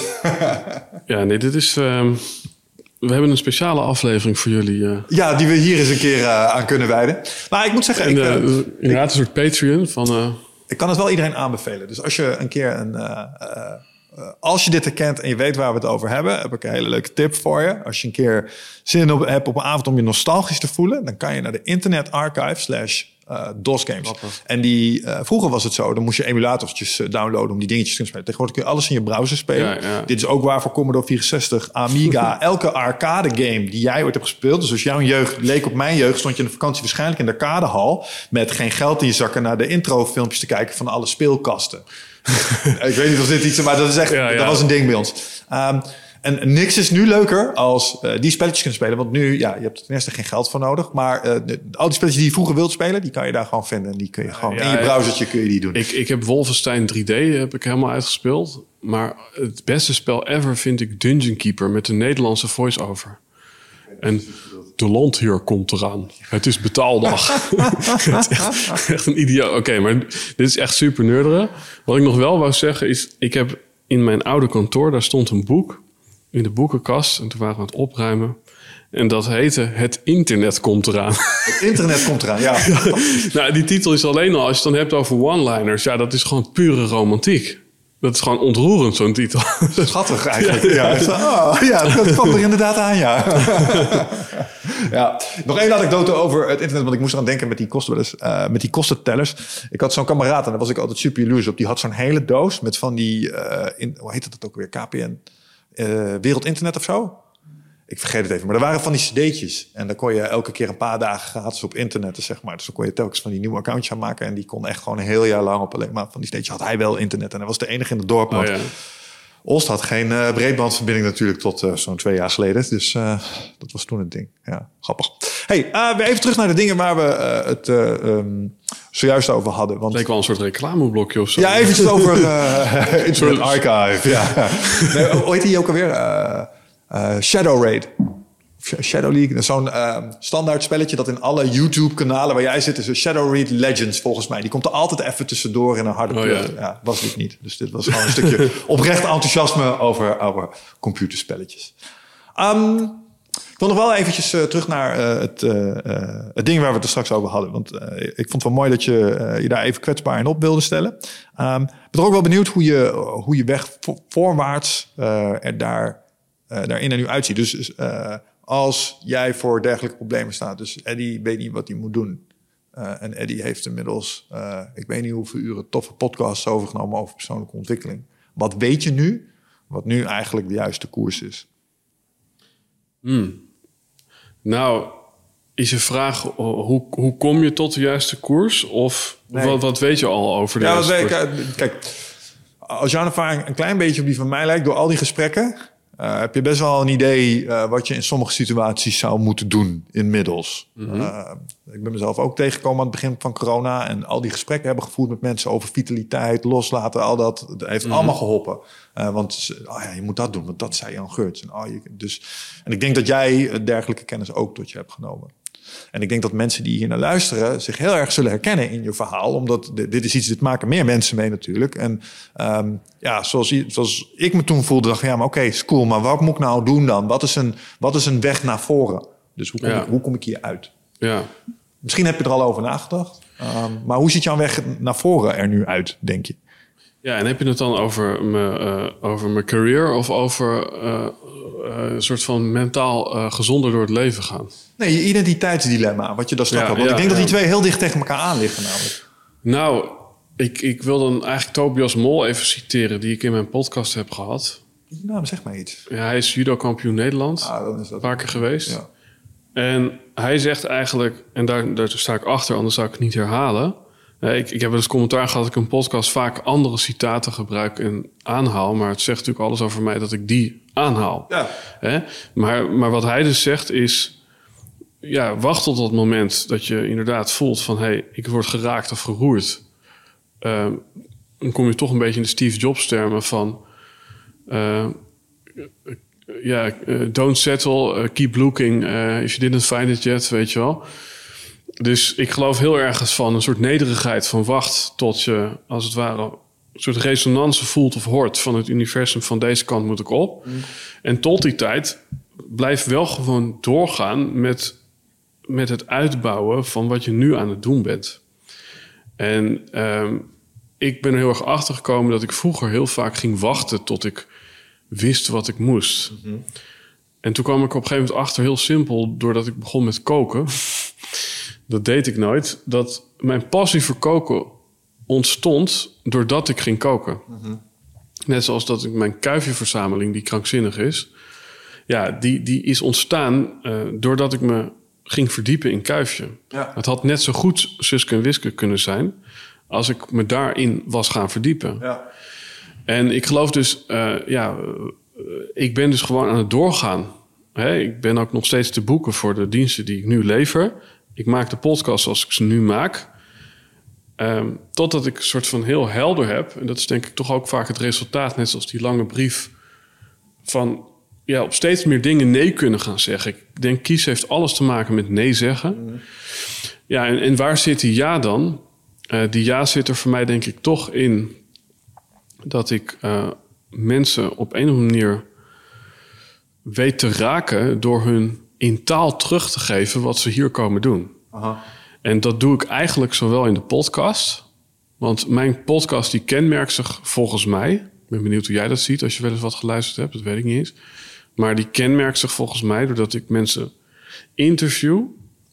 Ehm, en dan af en toe dan zit er een zin die is bijna gevleugeld. Dus eigenlijk zeg je dit. Ja. Dat is wat ik constant doe. En dat is wat ik ook doe bij mijn klanten. Waar ik uiteindelijk dan slogans voor genereer. Ja. Dus uiteindelijk is het allemaal te herleiden naar... ik kon vroeger niet goed begrijpend lezen. Ik kon films ook niet snappen. Ik had exen, die zetten dan Netflix op pauze. En die legden uit wat er gebeurd was, want ik snapte het niet. Ja. En, ehm, en wat ik dus altijd doe. Bij Inception snap ik dit, maar zodra het ook bij Nijntje gebeurt, weet je wel. Ja. nou ja, maar, maar, maar het, is, het is bijna idioot hoe weinig ik snap. Ehm, maar daardoor moet ik constant ja, een soort van translator in mijn hoofd toepassen. Om, om het voor mezelf begrijpelijk te maken. En als het tot dat punt komt, of het nou een podcast is of eh, ja, een bedrijf doorgronden, waardoor ik er een slogan voor kan maken, dan kom je op een gezegde van Simon Sinek. En die zei: Als je spreekt als een wetenschapper, dan snappen alleen wetenschappers je.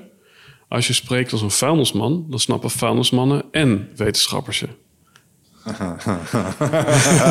I like it. Ja, nee, ja, ja maar Ja. En, en dat is eigenlijk, denk ik, wat ik constant doe. En dan kan je denken, hé, hey, wat heeft dat te maken met dat hele David White spirituele verhaal? Nou, dat ik um, in eerste instantie verwoord wat jouw waarheid is. Maar vervolgens voeg ik daar ook nog een laagje woordkunst aan toe, waardoor, het, waardoor er zingeving en inspiratie loskomt. Luister jij naar rap? Ja. Ja. Ja. Ja. Ik kan me voorstellen dat je daar ook in op kunt gaan als ik je dit zo hoor zeggen. Want dat is ook het spelen met woorden. Een Ja, nee. lager aan toevoegen. Vroeger was het inderdaad van eh, opgezwollen. Ja. Ehm, later werd het, eh, hè, dan gaan we iets, iets verder in de tijd. Ik heb zelf in Funkabilities gezeten, wat een soort van voorstadium van Zes Special was. Oké. Ehm, ja, ik vind Fresco geweldig. Ja. Ehm, ja, in mijn puberteit luisterde ik heel veel naar Cypress Hill. Niet. Ja, Mijn eerste album was eh, niet Temples of Boom, maar die ervoor Black Sunday. I want to get Zo high, so high. Dat ja, zo'n nummer op. Hits from the bong. Ja. Ik, ik wist niet wat dat geluidje was. Hoorde zo'n... Nu weet ik inmiddels als een waterpijp. Ik wist het niet. Oh, is oh, een leuk liedje, weet je wel.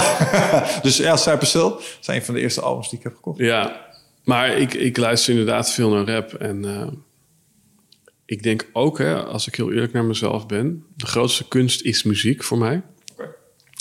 Ehm, maar daar is het me nooit in gelukt om echt voet aan de grond te krijgen. Ehm, en dus probeer ik het gevoel en de emotie die je in muziek vaak terug, eh, terugkrijgt. Ja, dat gevoel heb ik wel. En dat moet wel ergens naartoe. En ik ben wel gitarist, maar geen Hendrix.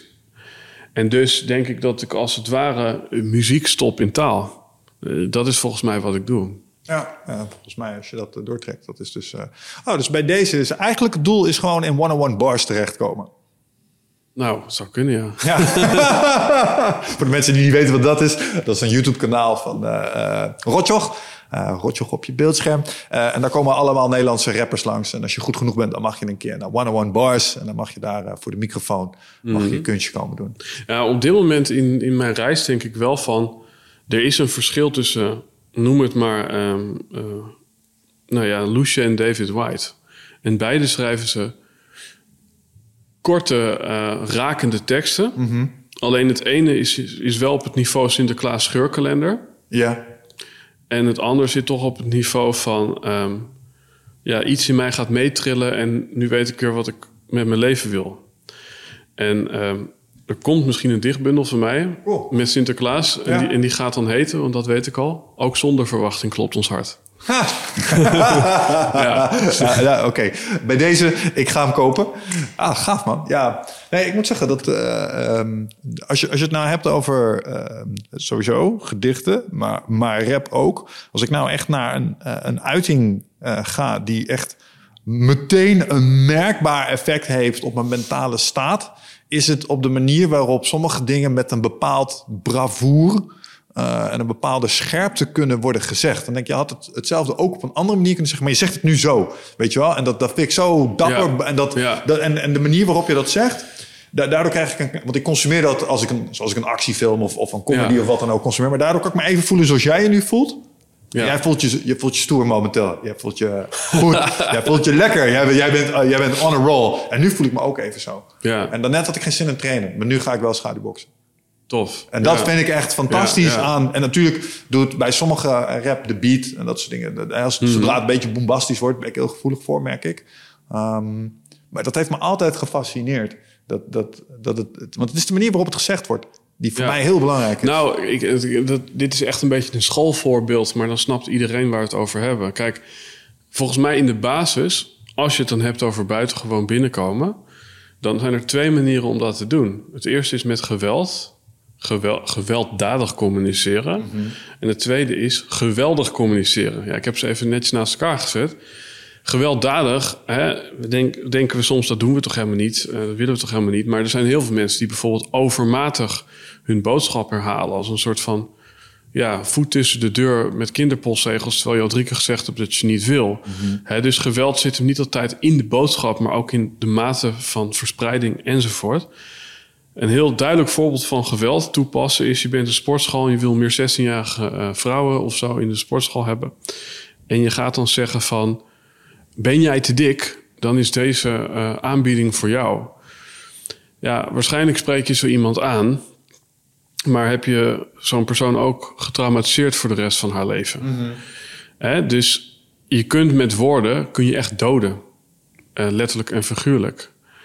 Um, ik denk ook dat je uh, ja, mensen kunt raken zonder kogels te gebruiken. Dus dat vind ik altijd een mooie zin. Je kan ook de dam oprennen zonder wapen en toch iedereen zijn aandacht krijgen. Mm -hmm.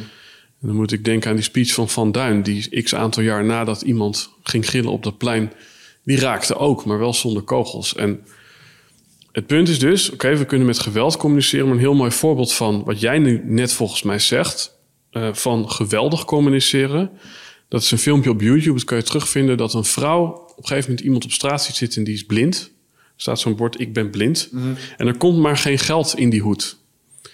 En het was een zonnige dag, dus die vrouw kiest er dan voor, ik haal het bord weg en ik zet er een ander bord neer. En dan staat er op dat bord, vandaag is een zonnige dag maar ik kan het niet zien. Mm. Hè? Dan voel je meteen het verschil. Dat is gewoon voelbaar. En uh, ja, dan raad je al, daarna ging er heel veel geld in die hoed. Dus je kunt met de keuze van je woorden, hè, dan hebben we het nog niet eens over een andere boodschap, maar de woorden die we kiezen, ja, die, die bepalen volgens mij hoe we de wereld zien. Ja, en dan wil ik nu weer even het bruggetje maken naar de interne wereld. Want uh, ik geloof dat. Um, want dit is, hoe, dit is wat er uitkomt. Dit is wat we aan de buitenwereld zeggen. Dit zijn de geluiden die over onze lippen heen komen of de letters die we intikken op een keyboard. Minstens even belangrijk is, denk ik, ik ben benieuwd hoe jij er tegenaan kijkt, hoe dit gesprek aan de binnenkant eruit ziet. Mm -hmm. Ja. Want, want, want daar kun je ook hetzelfde effect bereiken als je bewuster bent van je innerlijke dialoog. Ja. Is dat iets wat je herkent? Ja, absoluut. Ik denk dat hypochondrie uh, uh, niets anders is dan uh, verkeer, de verkeerde kant op fantaseren. Oh ja. en dat, dat is denk ik ook een vorm van verveling. Ik weet nog altijd Patrick Kikker dat een keer mooi tegen mij zei van... Ja, is, is, is jouw angst niet gewoon een, een vorm van scheppingskracht... die naar binnen toe inkapselt... omdat je op dat moment naar buiten toe misschien te weinig gerealiseerd hebt... En ik denk dat dat helemaal waar is. Hmm. Um, daarom ga ik ook in Japan op vakantie met een fototoestel, omdat het voor mij te saai is om alleen door die stad te wandelen. Mm -hmm. Het brengt me zelfs in het nu. Dus waar anderen zeggen: oké, okay, daarmee zie je de stad niet. Nee, ik ga juist veel beter kijken, want waar in dit beeld of in het straatbeeld zie ik een kiekje. Ja, ik, ik moet. Uh ik geef trouwens geen direct antwoord op je vraag nu. Dat heb je dat, door. Maar... Dat is akkoord. Maar daar komen we vast wel weer terug, want zo gaat dat in deze podcast. Maar wat je voorbeeld me aan doet denken is aan. Uh, dit moet je niet verkeerd opvatten. Maar ik heb met, uh, uh, veel met ontwikkelaars te maken gehad. Softwareontwikkelaars. Mm. En daar heb je ook verschillende gradaties in. Maar sommige die staan ergens op een spectrum, als je begrijpt wat ik bedoel. Zijn hele goede ontwikkelaars. maar als je hun vraagt, hey, hoe gaan we dit specifieke stukje oplossen? Nou jongen, dan is het altijd moeilijk, complex, lastig. Want zij overzien zoveel meer dingen die kunnen gebeuren als dat ik kan. Want ik opereer op een compleet ander IQ. Ja. Ja, ik ben de helft van dat van hun ongeveer. En zij zijn erg slim. En die kunnen op, op niveaus denken en op een metaniveau en over lagen en in de toekomst vooruit. Waar jij, en jij denkt, ja, maar ik wil gewoon dit formulier toevoegen. Dus Ja. hoezo kan het zo moeilijk zijn? Weet Ja. je wel? Um, en dat is soms heel fijn dat ze dat kunnen, maar soms is het ook een handicap voor ze. Uh, omdat er zoveel rekenkracht over is en je stelt ze een vraag, ja, nou, dan krijg je een antwoord ook, hè? Want je Ja, hebt de vraag gesteld, dus wat kan er allemaal misgaan? Nou, dat gaan we eens even vertellen. Heb jij al eens gehoord van deze en deze bacterie? Uh, of uh, wat er allemaal in je eten kan? Ja, is vaak als je wat extra capaciteit hebt. Ja. Gebeurt dat sneller?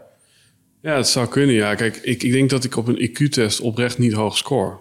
Ehm, omdat ik denk, uh, mijn intelligentie die, die, die drukt zich op een hele andere manier uit als er al sprake van is. Hè? Want het kan überhaupt kokkie klinken om te zeggen dat je intelligent bent. Maar ik denk heel associatief en heel erg uh, ja, tussen, tussen de lijnen door.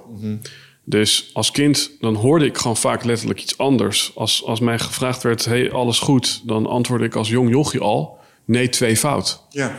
Weet je wel? Dus ja, dat is gewoon... Zo verstond ik ook werkelijk de vraag. Dus, dus ik zou niet eens willen zeggen dat ik intelligent ben. Um, ik zit alleen, ja, misschien soms in een andere dimensie. En het kost mij soms zelfs moeite om in dezelfde dimensie te bewegen. En dan kom je ook weer op een mooi onderwerp, enneagrammen. Ik ben namelijk een enneagram 4 en die is constant bezig met bijzonder willen zijn en die haat alledaagsheid. Dus die haat de status quo. En ik denk dat dat heel erg terug te zien is, ook in mijn zinnetjes, die altijd eigenaardig zijn. Um, omdat ik gewoon geen genoegen neem met, ja, met een gebrek aan originaliteit. Dus ik denk inderdaad dat het een vorm is van verveling die te maken heeft met een gebrek aan uitdaging. Ik denk naast overprikkeldheid is onderprikkeldheid ook volgens mij een maatschappelijk probleem. Um, hè, want kijk maar naar het schoolsysteem. Uh, het niveau van de les wordt aangepast aan degene die het minst meekomt. En niet aan degene die het meest mm. meekomt. Mm. Dus, dus ik geloof dat, dat, er, dat, er een, dat er veel meer aandacht is voor de zwakste schakel dan voor de sterkste. Maar die sterkste die vertoont vaak dezelfde problemen als de zwakste. Namelijk beide hebben ze het gevoel, ik val buiten de modaalcurve. Een gevoel van eenzaamheid. Beide uh, ja, komen ze niet goed mee in de lesstof. En uh, nou ja, de, de, beide voelen ze zich different en misunderstood. Dat is eigenlijk de samenvatting. -hmm. Ja, ik heb uh, dat stukje onderprikkeldheid legde, ach, hoe heet de beste man nou, van uh, Focus aan, Focus uit, Mark Tichelaar, legde dat goed uit. Uh, die kon dat gedrag heel mooi plaatsen. Ja, wat je vaak, sommige mensen als ze dingen aan het doen zijn, uh, kunnen hun koppen niet bijhouden. Mm-hmm. Maar dat is omdat het niet uitdagend genoeg is voor ze. En een van de beste dingen die je dan kunt doen, is de overcapaciteit vullen met iets. Um, uh, bijvoorbeeld een podcast of wat dan ook. Kijk, sommige klussen uh, kun je prima doen en dan luister je naar een podcast. En die podcast is hetgeen wat het oké okay maakt. Ja. Sommige klussen gaat de podcast direct uit. Want ik ben nu teksten aan het dichten. En ik kan nu niet naar en deze input hier luisteren. Ik verander mijn muziek ook. Ja. Als ik naar rap luister en ik kan de taal verstaan... Ja, dan wordt het een probleem. Ja. Daarom luister ik naar Zweedse rap. Mijn Zweeds is niet goed. Maar er zijn een aantal Zweedse rapartiesten die ik, die ik volg. Waarom? Ik hoor iets wat lijkt op rap, maar ik versta er geen kloot van. Dus ja, er gaat niks aan. Hoewel ik inmiddels bepaalde dingen begin te herkennen. Nee, zei die nou nou weer, weet je wel? Zo, wat is dat? Dat je woorden gaat langzaam leer, leer je Zweeds. Zo gaat dat. um, maar um, dat zijn Mark Tichelaar dus ook van... ja, die overcapaciteit vullen. Vaak doen mensen dat met muziek. Uh, mm. bijvoorbeeld. Maar sommige mensen voelen zich dan schuldig dat ze dat doen. Ja. En dan zit je, ja, dan ben ik uh, en aan het YouTuben en dan ben ik mijn werk aan het doen. Nou, het is het, afhankelijk van de aard van het soort werk wat je doet, is dat soms zelfs een heel goed idee om die overcapaciteit maar een beetje bezig te houden, zodat je geest niet telkens alle kanten op gaat. Mm -hmm. Dat heeft hier ook een stukje van afleiding. Dus ja. het sluit een klein beetje aan bij wat je zei. Ja. En om terug te komen op je vraag, die innerlijke conversatie van hoe zit het daar dan mee? Ik ben even kwijt. Het is geen Freud, het is geen Nietzsche. Het is wel een boek wat in mijn kast staat. Jong? Het is ook geen Jong. Dat is allemaal gehad. maar, maar, maar ik denk dat een heel groot probleem, als je het hebt over de innerlijke conversatie, en daar gaat dit boek ook over, mm. dat is het wel of niet gebruiken van zelfstandige naamwoorden. En um, als wij namelijk zeggen, ik heb een slaapprobleem, dan zit daar veel meer. Ja, omdat het als het ware geconsolideerd is in een zelfstandig naamwoord. Zelfstandige naamwoorden liggen ook het dichtst op, op, op, op incarnatie, dus op, op gematerialiseerd. Feit. Ja, dus Einstein zei altijd: je ontwerpt altijd een idee uh, twee keer. Van één keer in je hoofd en één keer in, in, in de uitingsvorm, in de fysieke wereld. Maar op het moment dat je dus als voorbeeld zou zeggen: ik heb een slaapprobleem, dan heeft dat ja, een veel negatievere impact en ook een veel minder fluïde karakter dan ik kan vanavond niet slapen. dus ik denk in de innerlijke conversatie heb ik daar zelf wel ja, echt goed naar gekeken van ik ben hypochonder Of ehm, op dit moment eh, ben ik eventjes bang dat ik iets aan mijn nieren heb. Dat, dus, dus op die manier heb ik die conversatie heb ik aangepast. Je ziet me lachen. Ja. Dat is omdat ik deze, deze herken ik wel. Want die- we hebben het over hypochondrie. Ik durf mezelf op sommige onderdelen ook wel een hypochonder te noemen. En dit is exact iets wat ik doe. Ik zeg altijd tegen mezelf, als, als het morgen nog zo voelt, mag je de dokter bellen. Ja, Haalt het nooit helemaal. Nee. Maar het is de verwoord. Oh, ik heb dit. Of ja, even iets minder vast omlijnd. Dat- Ja. Dus ja, helder. Ga door. ja. Dus ik denk dat eh, zelfstandige naamwoorden, als je die weet te voorkomen eh, in je innerlijke dialoog, dan ben je al een heel eind. Omdat, omdat daar iets, ja, iets, iets geconsolideerds in zit, wat, wat ertoe zorgt dat je misschien geen uitweg meer ziet. Ik zou willen zeggen ja, goeie. Als het gaat om negatieve zaken en zelf opgelegde beperkingen. Ik ben een Ja, loser. ja, Mhm. ja. Niet zeggen, ik heb vandaag een mindere dag. Ehm, ik ben een kampioen en ik kan dit. Ik ben Mhm. auteur, ik schrijf boeken. ja. Daar zou ik het wel iets stelliger formuleren. Ja. ja Misschien. Nou ja, dat zou kunnen, maar daar zit wel weer ook een distinctie in. Dat is namelijk als jij voor de spiegel gaat staan en zegt: Ik ben een kampioen, maar je, je gelooft het niet. Dan kom je een beetje op het Joe Dispenza-stuk. Dan ga je ook de mist in. Ehm, want dan eh, krijg je namelijk nog harder bewijs dat je een sukkel bent. Want nu sta ik GVD voor de spiegel. Nu zeg ik dit tegen mezelf. Maar mijn lijf zegt eigenlijk: Dat is helemaal niet waar. Oh, ja. Dus, dus die Joe Dispenza zit heel erg op dat die woorden die je gebruikt moeten co- corresponderen met de waarheid die op dat moment in jou leeft. En dat lichaamsbewustzijn, het lichaam leeft altijd in het verleden. Dus die loopt altijd achter op jouw cognitie. Oké, oké. ah, ah, ik, ik hoor wat je zegt. Dus Oké, nu wordt het even metafysisch diep, maar Ja, nee, nee. Dus er moet niet een al te grote eh, incongruentie zitten tussen hetgeen je jezelf vertelt en wat het daadwerkelijk is. Dus daar moet je, dus een beter ding zou zijn, is als je nog geen kampioen bent, is tegen jezelf, ik ben een doener. Ja. Dus ik, ik, wer- of ik ben een werker, ik Ja. werk eraan. Maar ik denk dat er wel situaties zijn, stel je bent Alistair Overheem en je staat vijf minuten voor je gevecht tegen Badde Hari, zou het een heel goede houding kunnen zijn om te zeggen, ik ben een kampioen. Ja, ja. dus dus dat, dat, dat zijn situationeel. ja, ja, ik denk dat het ook heel moeilijk is om te zeggen, zo zit het. Ehm, ik heb Ellen van Vliet in de podcast gehad, de relatiecoach. En die zegt de waarheid bevrijdt.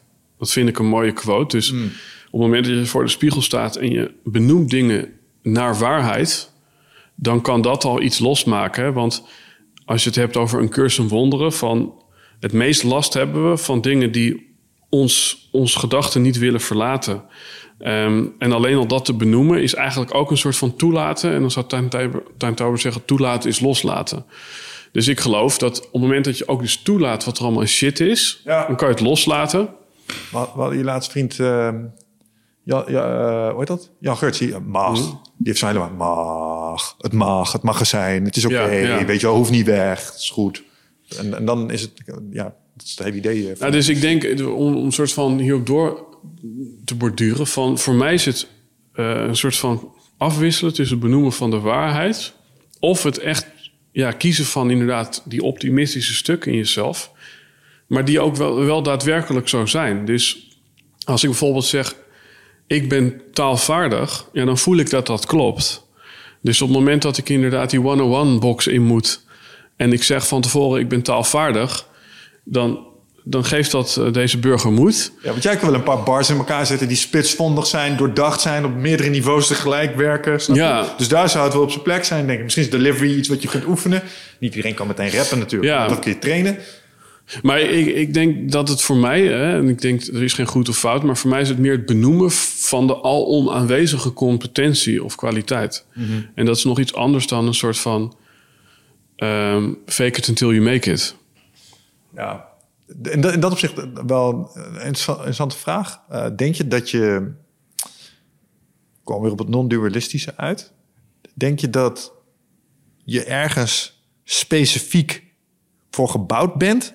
Of denk je dat er ook nog wel enige maakbaarheid is? Dus stel je bent nog niet zo taalvaardig... maar je wilt wel heel graag een, een rapper worden. Is het dan mogelijk om van die zes richting een acht, negen te gaan? Of is het van, nou ja, nee je bent nou eenmaal op een bepaalde manier elkaar gezet. Ehm, doe dat nou maar gewoon. Want, want je hebt een bepaalde dispositie voor dingen. Jouw taalvaardigheid, jouw vermogen om op een bepaalde manier dingen, woorden achter elkaar te zetten. Weet je wel. Ja, leuk dat jij eh, loodgieter wil worden. Maar eh, alsjeblieft man, ga iets met die met die woorden doen? Met andere woorden, zijn mensen op een bepaalde manier voorgeconfigureerd om iets zeer optimaal te kunnen?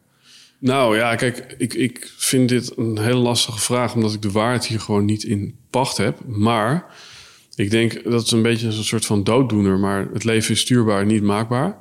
Dus ik geloof eerder dat er zoiets is als er is elasticiteit uh, ja, binnen de beperking. Dus je kan als je over de snelweg hier naartoe komt, één van de zes banen kiezen. Maar je kan niet kiezen om daarnaast te gaan rijden, want dan rij je in de sloot. Ja. Uh, dus, dus daarin geloof ik meer in een soort ja, elastiek werking dan in een soort van... Uh, je kan alles doen wat je maar wil. Uh, à la Barba Papa. Kunnen worden wat ze willen. Wat trouwens taaltechnisch helemaal niet klopt die zin. Hm? Dat liedje van Barba Papa. Ja. Kunnen wat ze willen worden... Uh, dat is een zin uit het liedje. En dan, kunnen wat ze willen worden. Ja, dat is natuurlijk helemaal geen Nederlandse zin. Nee. Kunnen worden goed, wat ze willen even, worden. Even, als je het over taal hebt, dat, dat, is gewoon... nee, nee, nou moet die worden afgemaakt. ja, dat is een heel, heel leuk liedje, maar taalvaardig uh, ja, klopt voor geen meter. Van de ene kant zou je zeggen, oké, okay, het leven is dus stuurbaar en niet maakbaar. En van de andere kant denk ik dat jouw vraag misschien meer op een metaniveau, uh, ander metaniveau beantwoord moet worden. Namelijk, uh, kan ik als ik een slogankoning ben kan ik dan ook uh, een podcastmaker zijn? Of kan ik misschien zelfs familieopsteller worden? Of uh, Juist. dat kan. En ik denk zelfs ook heel erg succesvol. Wow, ik schrik met de pleur. De, um, ja, ik zie ineens een soort van insect hier tussendoor komen. Maar het, ja. het, was, het was maar een vlieg, maar het, het was meer een soort... Maar ik denk waar het om gaat is um, dat je een soort van je kerncompetentie erin kwijt kunt. Mm. En wat ik dus steeds doe, is dingen naar de essentie brengen.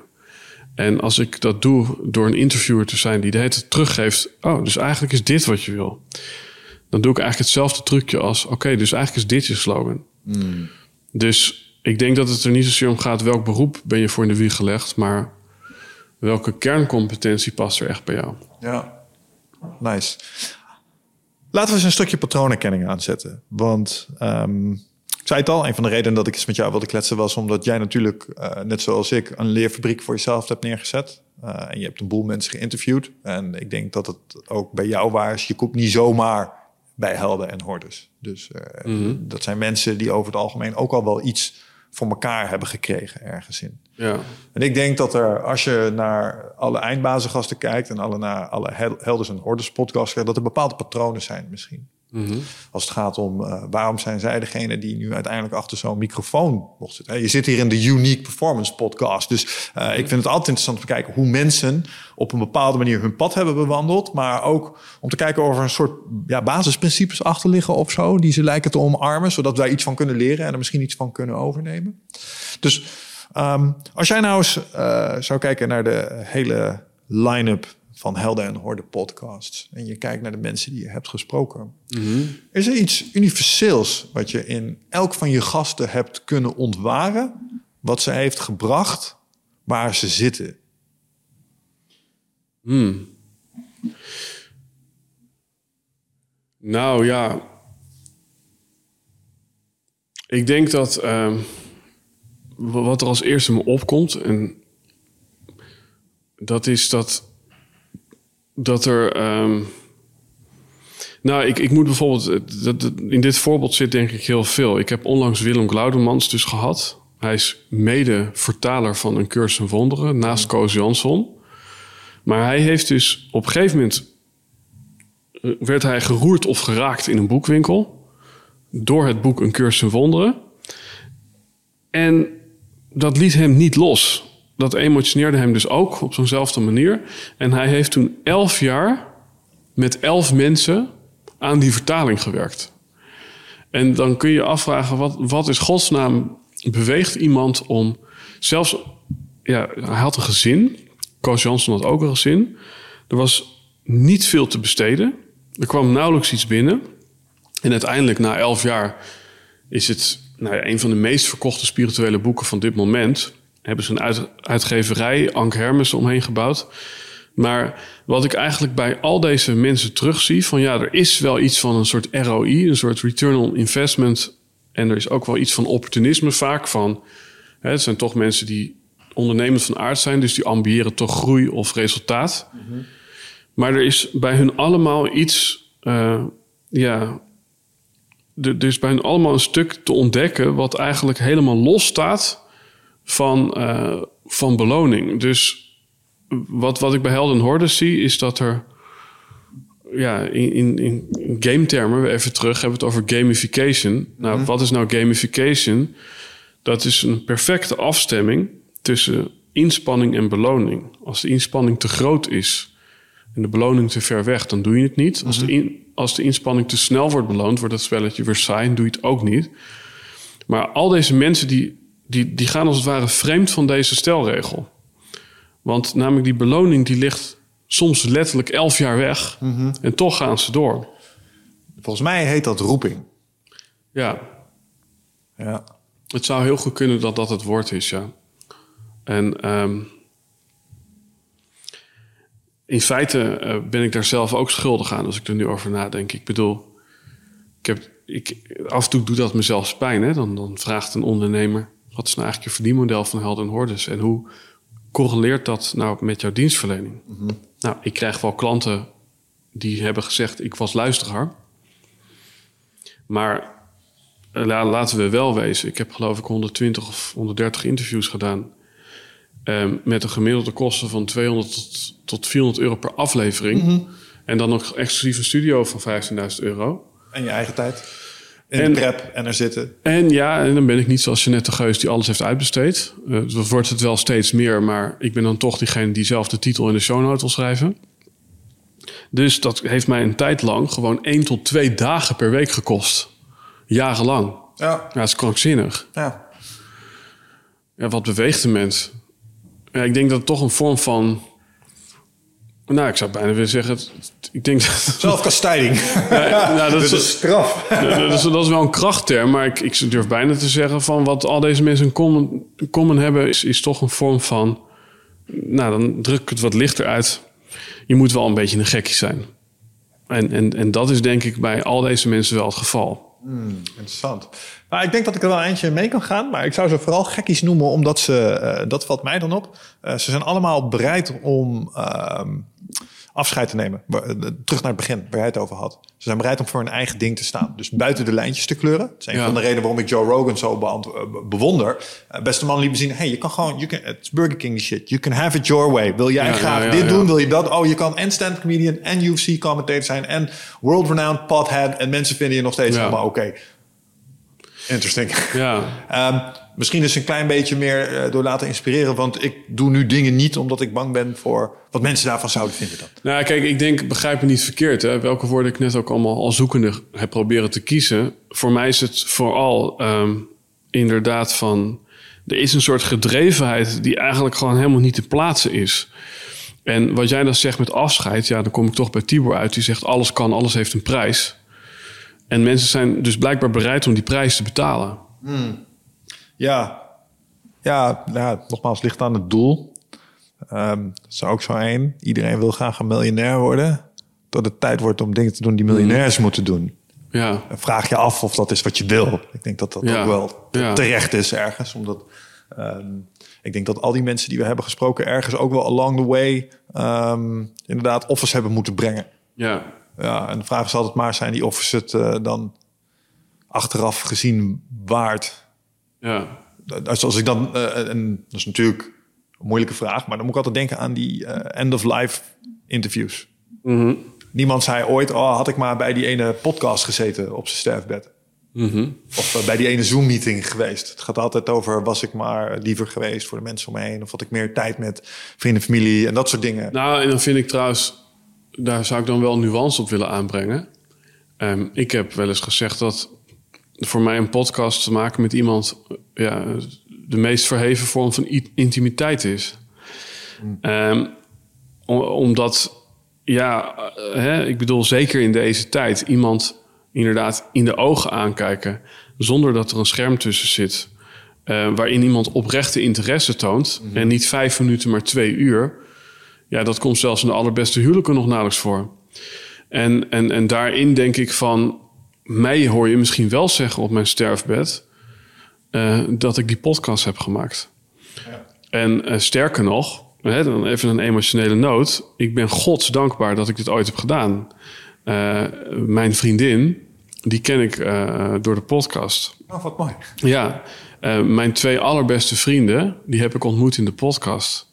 Mijn drie allerbest betalende klanten, die waren ooit gast in mijn podcast. Ja. Dus sterker nog, ja, het allergrootste gedeelte van mijn sociale leven, maar ook van mijn spirituele reis. Het leven als leerschool is allemaal een resultaat geweest van mijn podcast. Ja. ja. En ik denk dus ook dat toen ik die spullen kocht van mijn laatste geld, dat, dat ik dat toen al wist. Hoogste rendement ooit. Nou, ik wist toen al van, um, daar, er was zo'n soort van dit is het gevoel, een soort onverklaarbaar gevoel. En uiteindelijk denk ik van, het heeft me in die zin minder resultaten in business opgeleverd. Uh, en meer resultaten in het leggen van werkelijke verbinding. Maar ook, wat ik nu helemaal niet doe. I'm sorry. Maar ik heb echt het verschil ontdekt tussen luisteren en vertellen. Mhm. En um, het was ook letterlijk een leerdoel van mij. Als kletsmajor. Van kan ik onverdeeld naar iemand luisteren? En op een gegeven moment werd ik door Tom Gorney van uh, Masterflirt geïnterviewd. Die is nu gestopt. En hij ging mij ook interviewen. En toen gingen we echt in een nanoseconde van rol wisselen. Hè? Dus ineens ging ik jou interviewen. En toen merkte ik dus, hé hey, wacht, als ik die ander interview, dan zit ik in mijn lijf en dan ben ik in het nu. En als iemand mij interviewt, dan ben ik in een verhaal en leef ik in mijn hoofd. Dus voor mij is luisteren staat gelijk aan in het nu zijn. Mm -hmm. En vertellen staat gelijk aan in ofwel het verleden of in de toekomst zitten. Ja, ja. Al is het al, ja, nou, ik, ik ken het helemaal en ik, ik denk ook dat het, dat het waar is, sowieso. Um, het voelt ook echt als je zo'n podcast hebt opgenomen, je, je komt een soort bel uitgestapt. En ik, ik denk inderdaad, ik heb, ja, misschien omdat ik een podcaster ben of zo. Um, ik, ik probeer wel ook dit soort, soort gelijke prikkelende gesprekken binnen mijn relaties uh, te voeren. Maar de, inderdaad, er gaat een bepaalde intimiteit vanuit. Je zit even in mekaars hoofd en, en je probeert elkaar ook echt ja. actief te begrijpen. Um, en dat, ja, nee, dat absoluut. 100% dat, le dat levert verbindenis op. Um, te tegelijkertijd, uh, even, vraag ik me wel eens af. Kom jij ook altijd als je um, je podcast uitkomt, ben je dan ook tapt? Als in? Moe? Nou, uh, ja, daar, daar, daar heb ik nog wel een noot te kraken. Want ik merk dus dat het me toch ook wel energie kost. En dat ik vaak zo, helemaal een soort van aanloop als een tomaat. Ja. Uh, dus eerlijkheid is niet dat het een soort van... Hè, ze zeggen, als je doet wat je leuk vindt, hoef je nooit meer te werken. Ja, nou, fucking leugenaars, hou ze op, jongen. Ja, nee, voor, voor, voor, voor mij is zo'n podcast best wel hard werken. Want er zit natuurlijk ook een verheerlijking in dat we allemaal maar in het nu moeten leven. Maar het nu kan ook fucking intens zijn. Ja, net zeggen, het is schakelen geblazen. En ik, uh, ik ben blij dat ik deze podcast doe, omdat ik merk dat het me traint in de aandacht er langer bijhouden. Want het zo'n twee uur is, is gewoon schakelen. Maar ik merk ook wel, um, is vermoeiend man. Ik, ik loop hier straks, ik noem dat altijd tapped. Ik ja. altijd echt even decompressen. Uh, ja. Ik merk het ook, krijg kleur. Ik, uh, ik heb het gevoel dat ik mezelf ruik als ik uh, met een goede pot... maar dat is ja, vooral als ik erin ben. Want ik weet niet of jij het wel eens hebt meegemaakt, maar ik heb, merk ook wel eens... of door een disconnect met de gast of wat dan ook... maar dan ben ik niet fully engaged of zo. En dan ga ik ook nog wel eens iets... elke gast die ooit is geweest, die hoort... denk was dat bij mij? Nee, was niet bij jou. Maar, um, maar als je er echt naast, dat is het dan ook wel... in het moment voel je het niet. Nee. Dat is het ding. In het moment is het helemaal kicken leuk. Ja, nu op de, we zitten bijna op de twee uur grens. Begin ik wel te denken, oké, okay, we zitten op de twee uur. Ik moet iets meer ademen, Mies. Want ik begin een klein beetje hoofdpijn te krijgen. Maar dat komt omdat ik zo zit te luisteren ja. uh, naar wat je zegt. Ja, en ik denk ook hier, hè, wat we net zeiden met die spiegel. Het benoemen wat je nu doet, dat is al een vorm van bevrijding. Dus voor mij um, is het nog steeds leren... En daarin vind ik Joe Rogan gewoon heel inspirerend. Om ook gewoon soms letterlijk met een benen op tafel te zitten tijdens de aflevering. Ja. Kijk, ik, ik heb het meest krankzinnig armoedige decor bij Helden Hordes. Mensen vragen zich wel eens af, wat gebeurt er allemaal? Ik heb met de grijpertjes in Drouwenersand in Drenthe... heb ik zo'n grote eekhoorn, zo'n grote dombo-olifant... ook nog met een muziekje erin... en ook nog zo'n grote Lilo in Stitch pop gewonnen. En die staan dus gewoon... En dan zit ik daar met Willem Glaudemans... of ik zit daar met, met Wim Hof... en dan staat er zo'n achterlijk decor op de achtergrond. En dan denk je, hoe durf je? Dat is toch helemaal niet respectvol? Maar voor mij is dat een herinnering aan... het mag het ook gewoon luchtig blijven. Ja. Ehm, en daarin citeer ik even Elke de Boer, die zegt... Ieder jaar probeer ik meer oppervlakkigheid en meer diepgang in mijn leven te creëren. En, en dat, dat, dat, dat, dat vind ik een hele mooie van... En, en met de podcast probeer ik ook weer een soort non-dualistisch... dat dan alle twee in hetzelfde moment te doen. En ik vind het gewoon heel mooi om eh, met iemand te praten over een bijna doodervaring.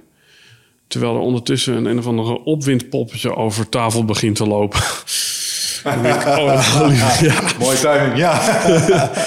ja, maar, eh, maar is dat ook niet wat het is? Want ja, laten we wel wezen, ehm, het gaat in een podcast ook om de inhoud. Bijvoorbeeld mijn eh, meest bekende interview is die met Peterson. ja, geweldig. Camera is de helft van de tijd out of focus. Weet je hoeveel Ja. fucks ik daarom geef? Nul.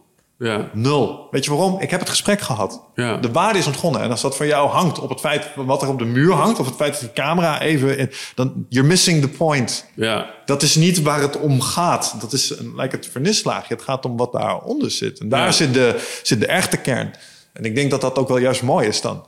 Want, want dan ben je eh, de echte goudklompjes, ben je in die setting, die mensen dan als subpar zouden betitelen, haal je juist naar boven. Ja. En dat is een soort fuck you. Zie, het is allemaal niet nodig. Het hoeft niet perfect te zijn. Nee, nou, daarin denk ik dat ik wel aardig op je achter lig. Want bij mij is het allemaal lenzen aandraaien, eh, beste microfoons. en Ja, nou ja, Wigget, Wigget is ook zo. Ik denk dat ik degene ben die hier stuk is. Want ik, eh, mij interesseert het, eh, zoals cameraposities en lampen en zo. Ja, het moet er zijn en zo. Maar Wigget, voor Wigget is dit echt een, een kunst. Die, die is daarmee bezig. En dan, moet, en dan moet je weer Ja. even gaan zitten op de stoel. En dan gaat hij weer even wat dingetjes Ja, maar, maar, zo. maar, la- maar laten we wel wezen. Ik luister zelf dan regelmatig naar Leven zonder stress. Ja. Ehm, maar ook inderdaad naar praten over bewustzijn van Paul en Patrick.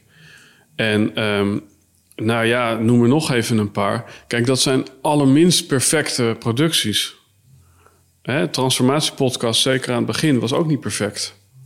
Weet je wel, dus, dus ik, ik, ben, ik ben het er helemaal mee eens dat imperfectie eh, vaak... ont- ja, verbinding ontstaat vaak in imperfectie juist. Ook dat. Ja, Ja. En, ja. en vanuit gewoon een stukje ja, persoonlijke effectiviteit. Minimal viable product, jongens. Het is Ja. echt software denken. Je wil graag weten hoe het werkt. Oké, nou ga gewoon proberen. Maar ga niet proberen om het meest perfecte ding te bedenken. Nee. Je wel, stel we staan met z'n allen op eh, het strand in eh, Scheveningen. En we moeten naar Londen. Mhm. Ja, als je dan de meeste mensen de oplossing laat zien. Nou, we zijn met z'n tienen. Ja, we moeten naar de overkant. We willen weten wat voor weer het er is en wat voor muntjes ze er gebruiken. Ja, dan ver- verzinnen de meeste mensen een cruise ship. Met eh disco bowlingbal en helikopterlandplatform. Ja. Dat is helemaal niet wat je nodig hebt om aan de overkant te komen. Bananenboot is ook weer zo wat. Maar een zeewaardige sloep waar je met z'n twee op kan. Ja, ja, ja. Goed genoeg, man. Weet je wel, ga maar vast doen. En dan kom je er vanzelf wel uiteindelijk, hè, dat is natuurlijk ook altijd een beetje... eh, ik vind het nogal goed gezegde van... ik heb dus die goede camera's en zo. Maar mijn meest geluisterde podcast is die met Wim Hof. En ik kwam die man tegen in het Vondelpark... en ik heb het opgenomen met mijn mobiel. En uiteindelijk kom je dan ook op een gezegde... en die kan je op heel veel lagen toepassen. De beste camera is de camera die je bij je hebt... op het moment dat je een foto wil maken. En, en dat is denk Ja, ja, ja, ja, ja, zeker wel. 100%. En, en, en dat is bijna nooit eh, je spiegelreflex. Nee, nee, nee, ook zo. Ook zo. Ja, te gek. Nou ja, eh, dus eh, lang verhaal kort. eh, dingen hoeven niet perfect te zijn. En het sluit weer aan bij iets wat ik Michael ooit hoorde zeggen. move before you're ready. En ik denk dat dat echt een hele belangrijke is voor eh, ook dingen die. Want ik denk dat jij hetzelfde meemaakt als wij. Dat mensen naar je verhaal kijken en denken: Oh, die gast die heeft het echt goed voor elkaar, man. Kijk hem al, die is ah, echt mega succesvol. Zal wel helemaal eh, spik en span geregeld zijn. We doen ook maar gewoon ons ding, snap je? En het is allemaal Ja. niet perfect. En dan krijg je ook een, een resultaat wat goed genoeg is. Ja, Ehm, Maar dus dat- doe je perfectionisme, eh, laat perfectionisme niet het ding zijn wat je ervan weer houdt. Is wat ik daarmee bedoel. ja, maar ik geloof, hè, dan kom je ook een beetje op human design. Van, er zijn wel verschillende leerstijlen. Kijk, ik ben iemand die inderdaad doet en daarin leert. Ehm, maar er zijn ook mensen die moeten dingen gewoon eerst helemaal bedenken voordat ze het doen. Ja, vind je dat echt?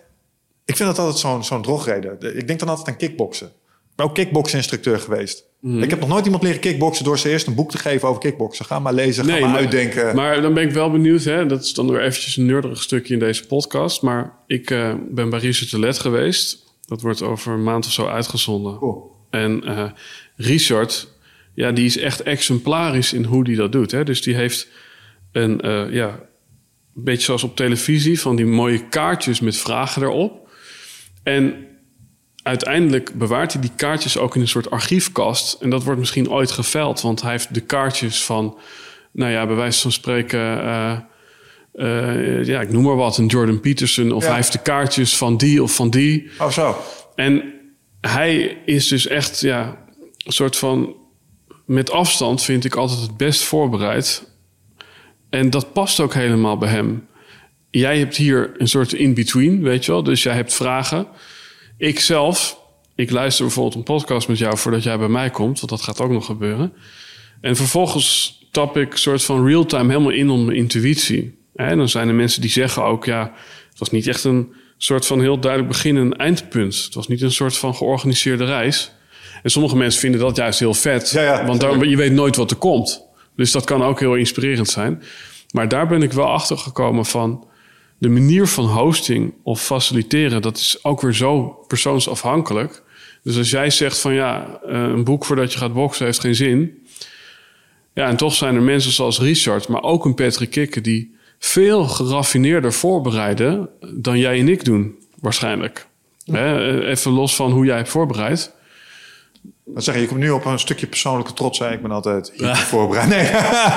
Wat ik wel hoor trouwens is, eh, voor de mensen die het interessant vinden. Ik heb allemaal boeken, heb ik allemaal podcasts en voorbereid in mindmaps. Ik doe het nou even digitaal. Maar eh, als die dingen ooit geld waard zijn, doe een bot en dan kunnen we kijken of we eruit komen. Want eh, blijkbaar is dat een ding, hoor ik net. Nou ja, kijk, een Giel Belen die bereidt zich ook onwijs goed voor. Nee, I know. Ja, ja. En dan kun je ook afvragen, bereidt iemand zich goed voor omdat hij respect heeft voor de gast? Of bereidt iemand zich goed voor omdat hij heel onzeker is dat hij anders misschien de mist in gaat? Beetje van beide. Ik vind het heel fijn om een, als ik naar mezelf kijk, ik vind het heel fijn om een leidraad te hebben. Want ik wil niet weglopen uit het gesprek van met shit, had ik dat maar gevraagd. Maar ik loop alsnog altijd het gesprek uit met het gevoel van shit, had ik dat maar gevraagd. Of je bent er niet aan toegekomen. Ehm, maar ik denk dat het hier een klein beetje is wat. ehm, we zijn toch met wandtegelwijsheden aan het gooien. Maar het is een beetje wat, wat Jocko's en dingen is. Discipline equals freedom. Dus als ik voorbereid binnenkom, dan kan ik in het gesprek kan ik alle kanten afwijken. Ja, geef me kaders en ik ben vrij. Ja, Dat is en dat is wat het is. Dus ik, ja, ja. ik weet dat ik de belangrijkste onderdelen... Want kijk, het ging nu heel organisch. Maar spiritualiteit, stukje eh, het podcasten op zich... het patronen binnen de podcast, eh, de kracht van het woord. Allemaal dingen waar ik het Mhm. graag met je wilde over hebben. Maar het kwam nu zo gewoon zo lekker vloeiend. Mhm. En dat is wel het hele fijne aan... eh, misschien aan de voorkant wel eventjes je, pre- je prep doen. Eh, in tegenstelling tot helemaal niet weten eh, met wie of met wat je aan tafel zit. Dus ik weet al een beetje, oh, ik kan dit van Eddie grofweg eh, verwachten. En dan, wat ik altijd doe, is ik denk altijd een paar dagen van tevoren... Nou, waar zou ik daarmee willen weglopen? Mhm. Want, want ik heb dit wel echt, en dat beschouwen, dat heb ik wel van Bas Corde. Dit is een leerfabriek. Ja. Dus dit is voor mij ook naar college. Ik heb vandaag weer dingen geleerd.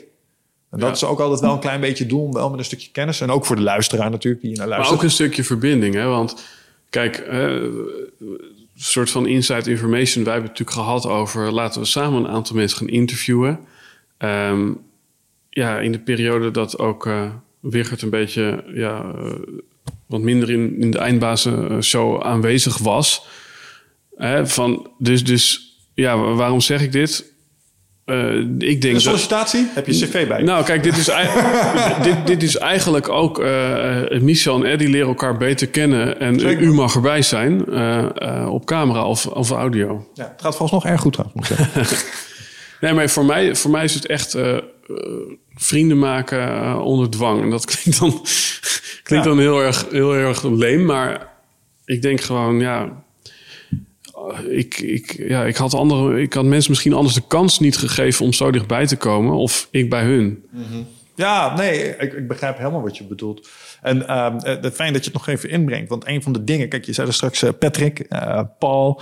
Een van de dingen die me echt nog hartstikke te gek lijkt, is ook, en Edwin, en misschien Tibor zelfs wel, om, om meer met elkaar ook eens eh, wat content te maken. Als je het hebt over, over Joe en eh, de- wat ik vaak zie, zie ik die luis, zie ik op een podium zitten. Ja, Als je het hebt over benen op tafel, dan is het, het stukje formaliteit er een klein beetje meer af. Is het een klein beetje meer oude jongens krentenbrood. Maar het zijn wel gasten die elkaar ook allemaal een beetje kennen. En, dat, en dat is prettig, want als wij elkaar nu voor de eerste keer op een podium zouden treffen en we zitten daar in een soort panel, ja. dat is anders. Ja. Maar als we straks al twee, drie podcasts met elkaar gedaan hebben, dan hebben we al een bepaalde mate van rapport. Ik bedoel, Paul Smit is hier nu wat vier keer geweest. Als ik Paul zie, dan is bijna alsof je een vriend ziet, weet je wel. Zo van, hey, is het? Dus als ik met hem op een podium sta, is het compleet anders. Nou, stel je voor, we zouden daar nog een paar van die mensen die in hetzelfde domein, bijvoorbeeld jij, Patrick, Guido Wijers, ehm, ik denk dat daar hele toffe gesprekken uit zouden komen. Ja, ja, misschien is het ook wel in de comments eh, van deze aflevering. eh, ja, misschien heeft de luisteraar nog een tof idee van hoe we het dan toch, noem het even, die verjaardag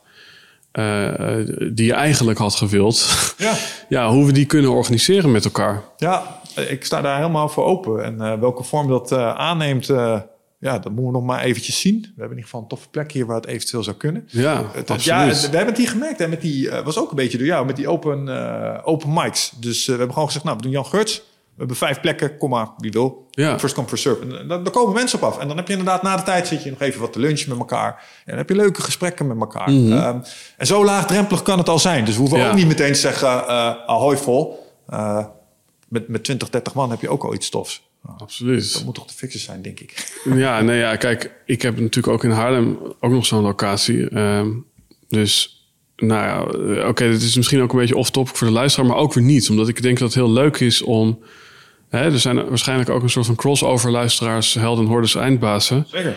Om, om dit meer samen te gaan oppakken. Hè? Koos Jansen zegt altijd heel mooi, we doen dit samen. En als hij dat zegt, dan voel je dat helemaal. Mhm. en, en zo zie ik het wel een beetje van... Uh, ja, uiteindelijk eh, is het gewoon een kruisbestuiving tussen hosts, gasten en het publiek. Even terug naar de rap. Even terug naar de rap. Jay-Z, ja? Kanye samen op een album. Is toch dikke shit? Absoluut. Nou dus ik, ik, moet ook denken aan Daft Punk. Eh, met een van die laatste albums waar inderdaad Pharrell Williams en nou, wie zaten er nog meer allemaal op? Ja. Uh, Giorgio, uh, hoe heet hij ook weer? Ik wou zeggen Armani, maar het is wel iets in die richting. Maar ja, dat, dat, dat doet iets, absoluut. Dus ja, nee, als we het als het muziekvoorbeeld even als uitgangspunt nemen... als we gaan remixen en we gaan hebben, dan denk ik dat daar een paar fantastische jams uit zouden kunnen komen. Zeker, ja, ja, nee. En ook over misschien wel bredere onderwerpen... als we nu vandaag even hebben aangeraakt. Want ja, ik zei het al, we zitten al over de twee uur heen... Mm ik denk dat we zo nog twee uur achteraan hadden kunnen pakken. en dan hadden we nog een boel onderwerpen kunnen bespreken. Want ik heb nog vragen genoeg. Um, dus uh, nee, nee, dat lijkt me echt uh, helemaal te gek. Dus inderdaad, luisteraars, mochten jullie dat ook aanspreken, kan je altijd even in de comments reageren. Ja, YouTube. Ehm, het, het, het luisterpunt, uh, het, het zwaartepunt van de luisteraars zit op Spotify en iTunes. Dus een mailtje mhm. sturen naar info.eindbaas.nl mag ook. Vinden we ook helemaal Ja, cool. Dus, geen zorgen daar. Um, ja man, ik denk dat we voor nu genoeg meters hebben gemaakt. Mm ik vond het een zeer plezante eerste kennismaking. Ja, nou, inderdaad. Voor mij. Voor moest er even over nadenken, zag je het? Nou, kijk, dit is dus alles wat er gebeurt. Ik probeer dat dan samen te vatten. Maar ik denk. Um, zeker met dat soort van reclame uh, blokje uit het arcade tijdperken tussendoor. Ja. ja, ja is, is er een soort van een heel materieel primitief stuk uh, besproken, maar ook een heel metafysisch spiritueel diep stuk. En ik denk dat dat ook wel is waar ik het liefst voor sta. Geen concessies doen aan uh, beide werelden. Zeker. Wat overigens wat mij betreft geen enkele disqualificatie was van het Commodore 64 MS-DOS en arcade stuk. Want dat vind ik ook fantastische dingen. Dus doe daar vooral ook je voordeel mee. Uh, nee, Eddie, super bedankt voor uh, eens een keer deze kant op komen. Ik kom het inderdaad binnenkort graag een keer dunnetjes overdoen bij jou. Wij gaan nu eerst eens even wat uh, eten, denk ik. Uh, maar voordat we dat doen, uh, stel de luisteraar geïnspireerd op dit gesprek denk... ja, maar ik wil ook een slogan. Of ik wil graag een nieuw soort spiritueel teacher. waar kunnen ze jou vinden? Nou, ik denk um, het meest logisch... en dan trek ik ook de stoute schoenen aan... want dat is in wording en nog niet af. Maar er komt een training aan die heet buitengewoon binnenkomen... waarin je... ja in het bijzonder leert om die eerste indruk heel goed te doen. He, dus nog één kleine voetnoot voor iedereen. Uh, wat ik heel erg in mijn reis heb ontdekt. Ja, ondernemen gaat om niche en gaat om kiezen. Wat mm rijmt bijna. Maar waarom we dat zo moeilijk vinden, is omdat het vaak heel definitief voelt. En alsof we allemaal concessies moeten doen aan kanten en competenties en kwaliteiten van onszelf. Omdat we ja, de misvatting hebben dat we ons ja, eenvoudiger moeten presenteren uh, en voordoen in ieder opzicht. Maar het mhm. enige waar je dit hoeft te doen, dat in je etalage. Dus je moet kiezen, wat is mijn eerste indruk? Nou, dan komt een training, die heet buitengewoon binnenkomen. Waarin je dus leert eigenaardiger, emotioneler en eenvoudiger te communiceren. Um, waardoor je, nou, plat gezegd, je ideale klant wel bereikt. Omdat hij niet meer voorbij je etalage loopt zonder om te kijken. Uh, en dat is uh, ja, het meest eenvoudige om even naar eddyboom.nl te gaan. Mm ja, en voor mensen die denken, ik ben helemaal geen ondernemer of ik vind jouw dienstverlening stom, uh, dan hebben we altijd nog helder en horders.nl. Check it out, fuckers. Eddie, dankjewel voor je tijd. Luisteraars, bedankt voor het luisteren weer. En uh, tot de volgende. Ciao!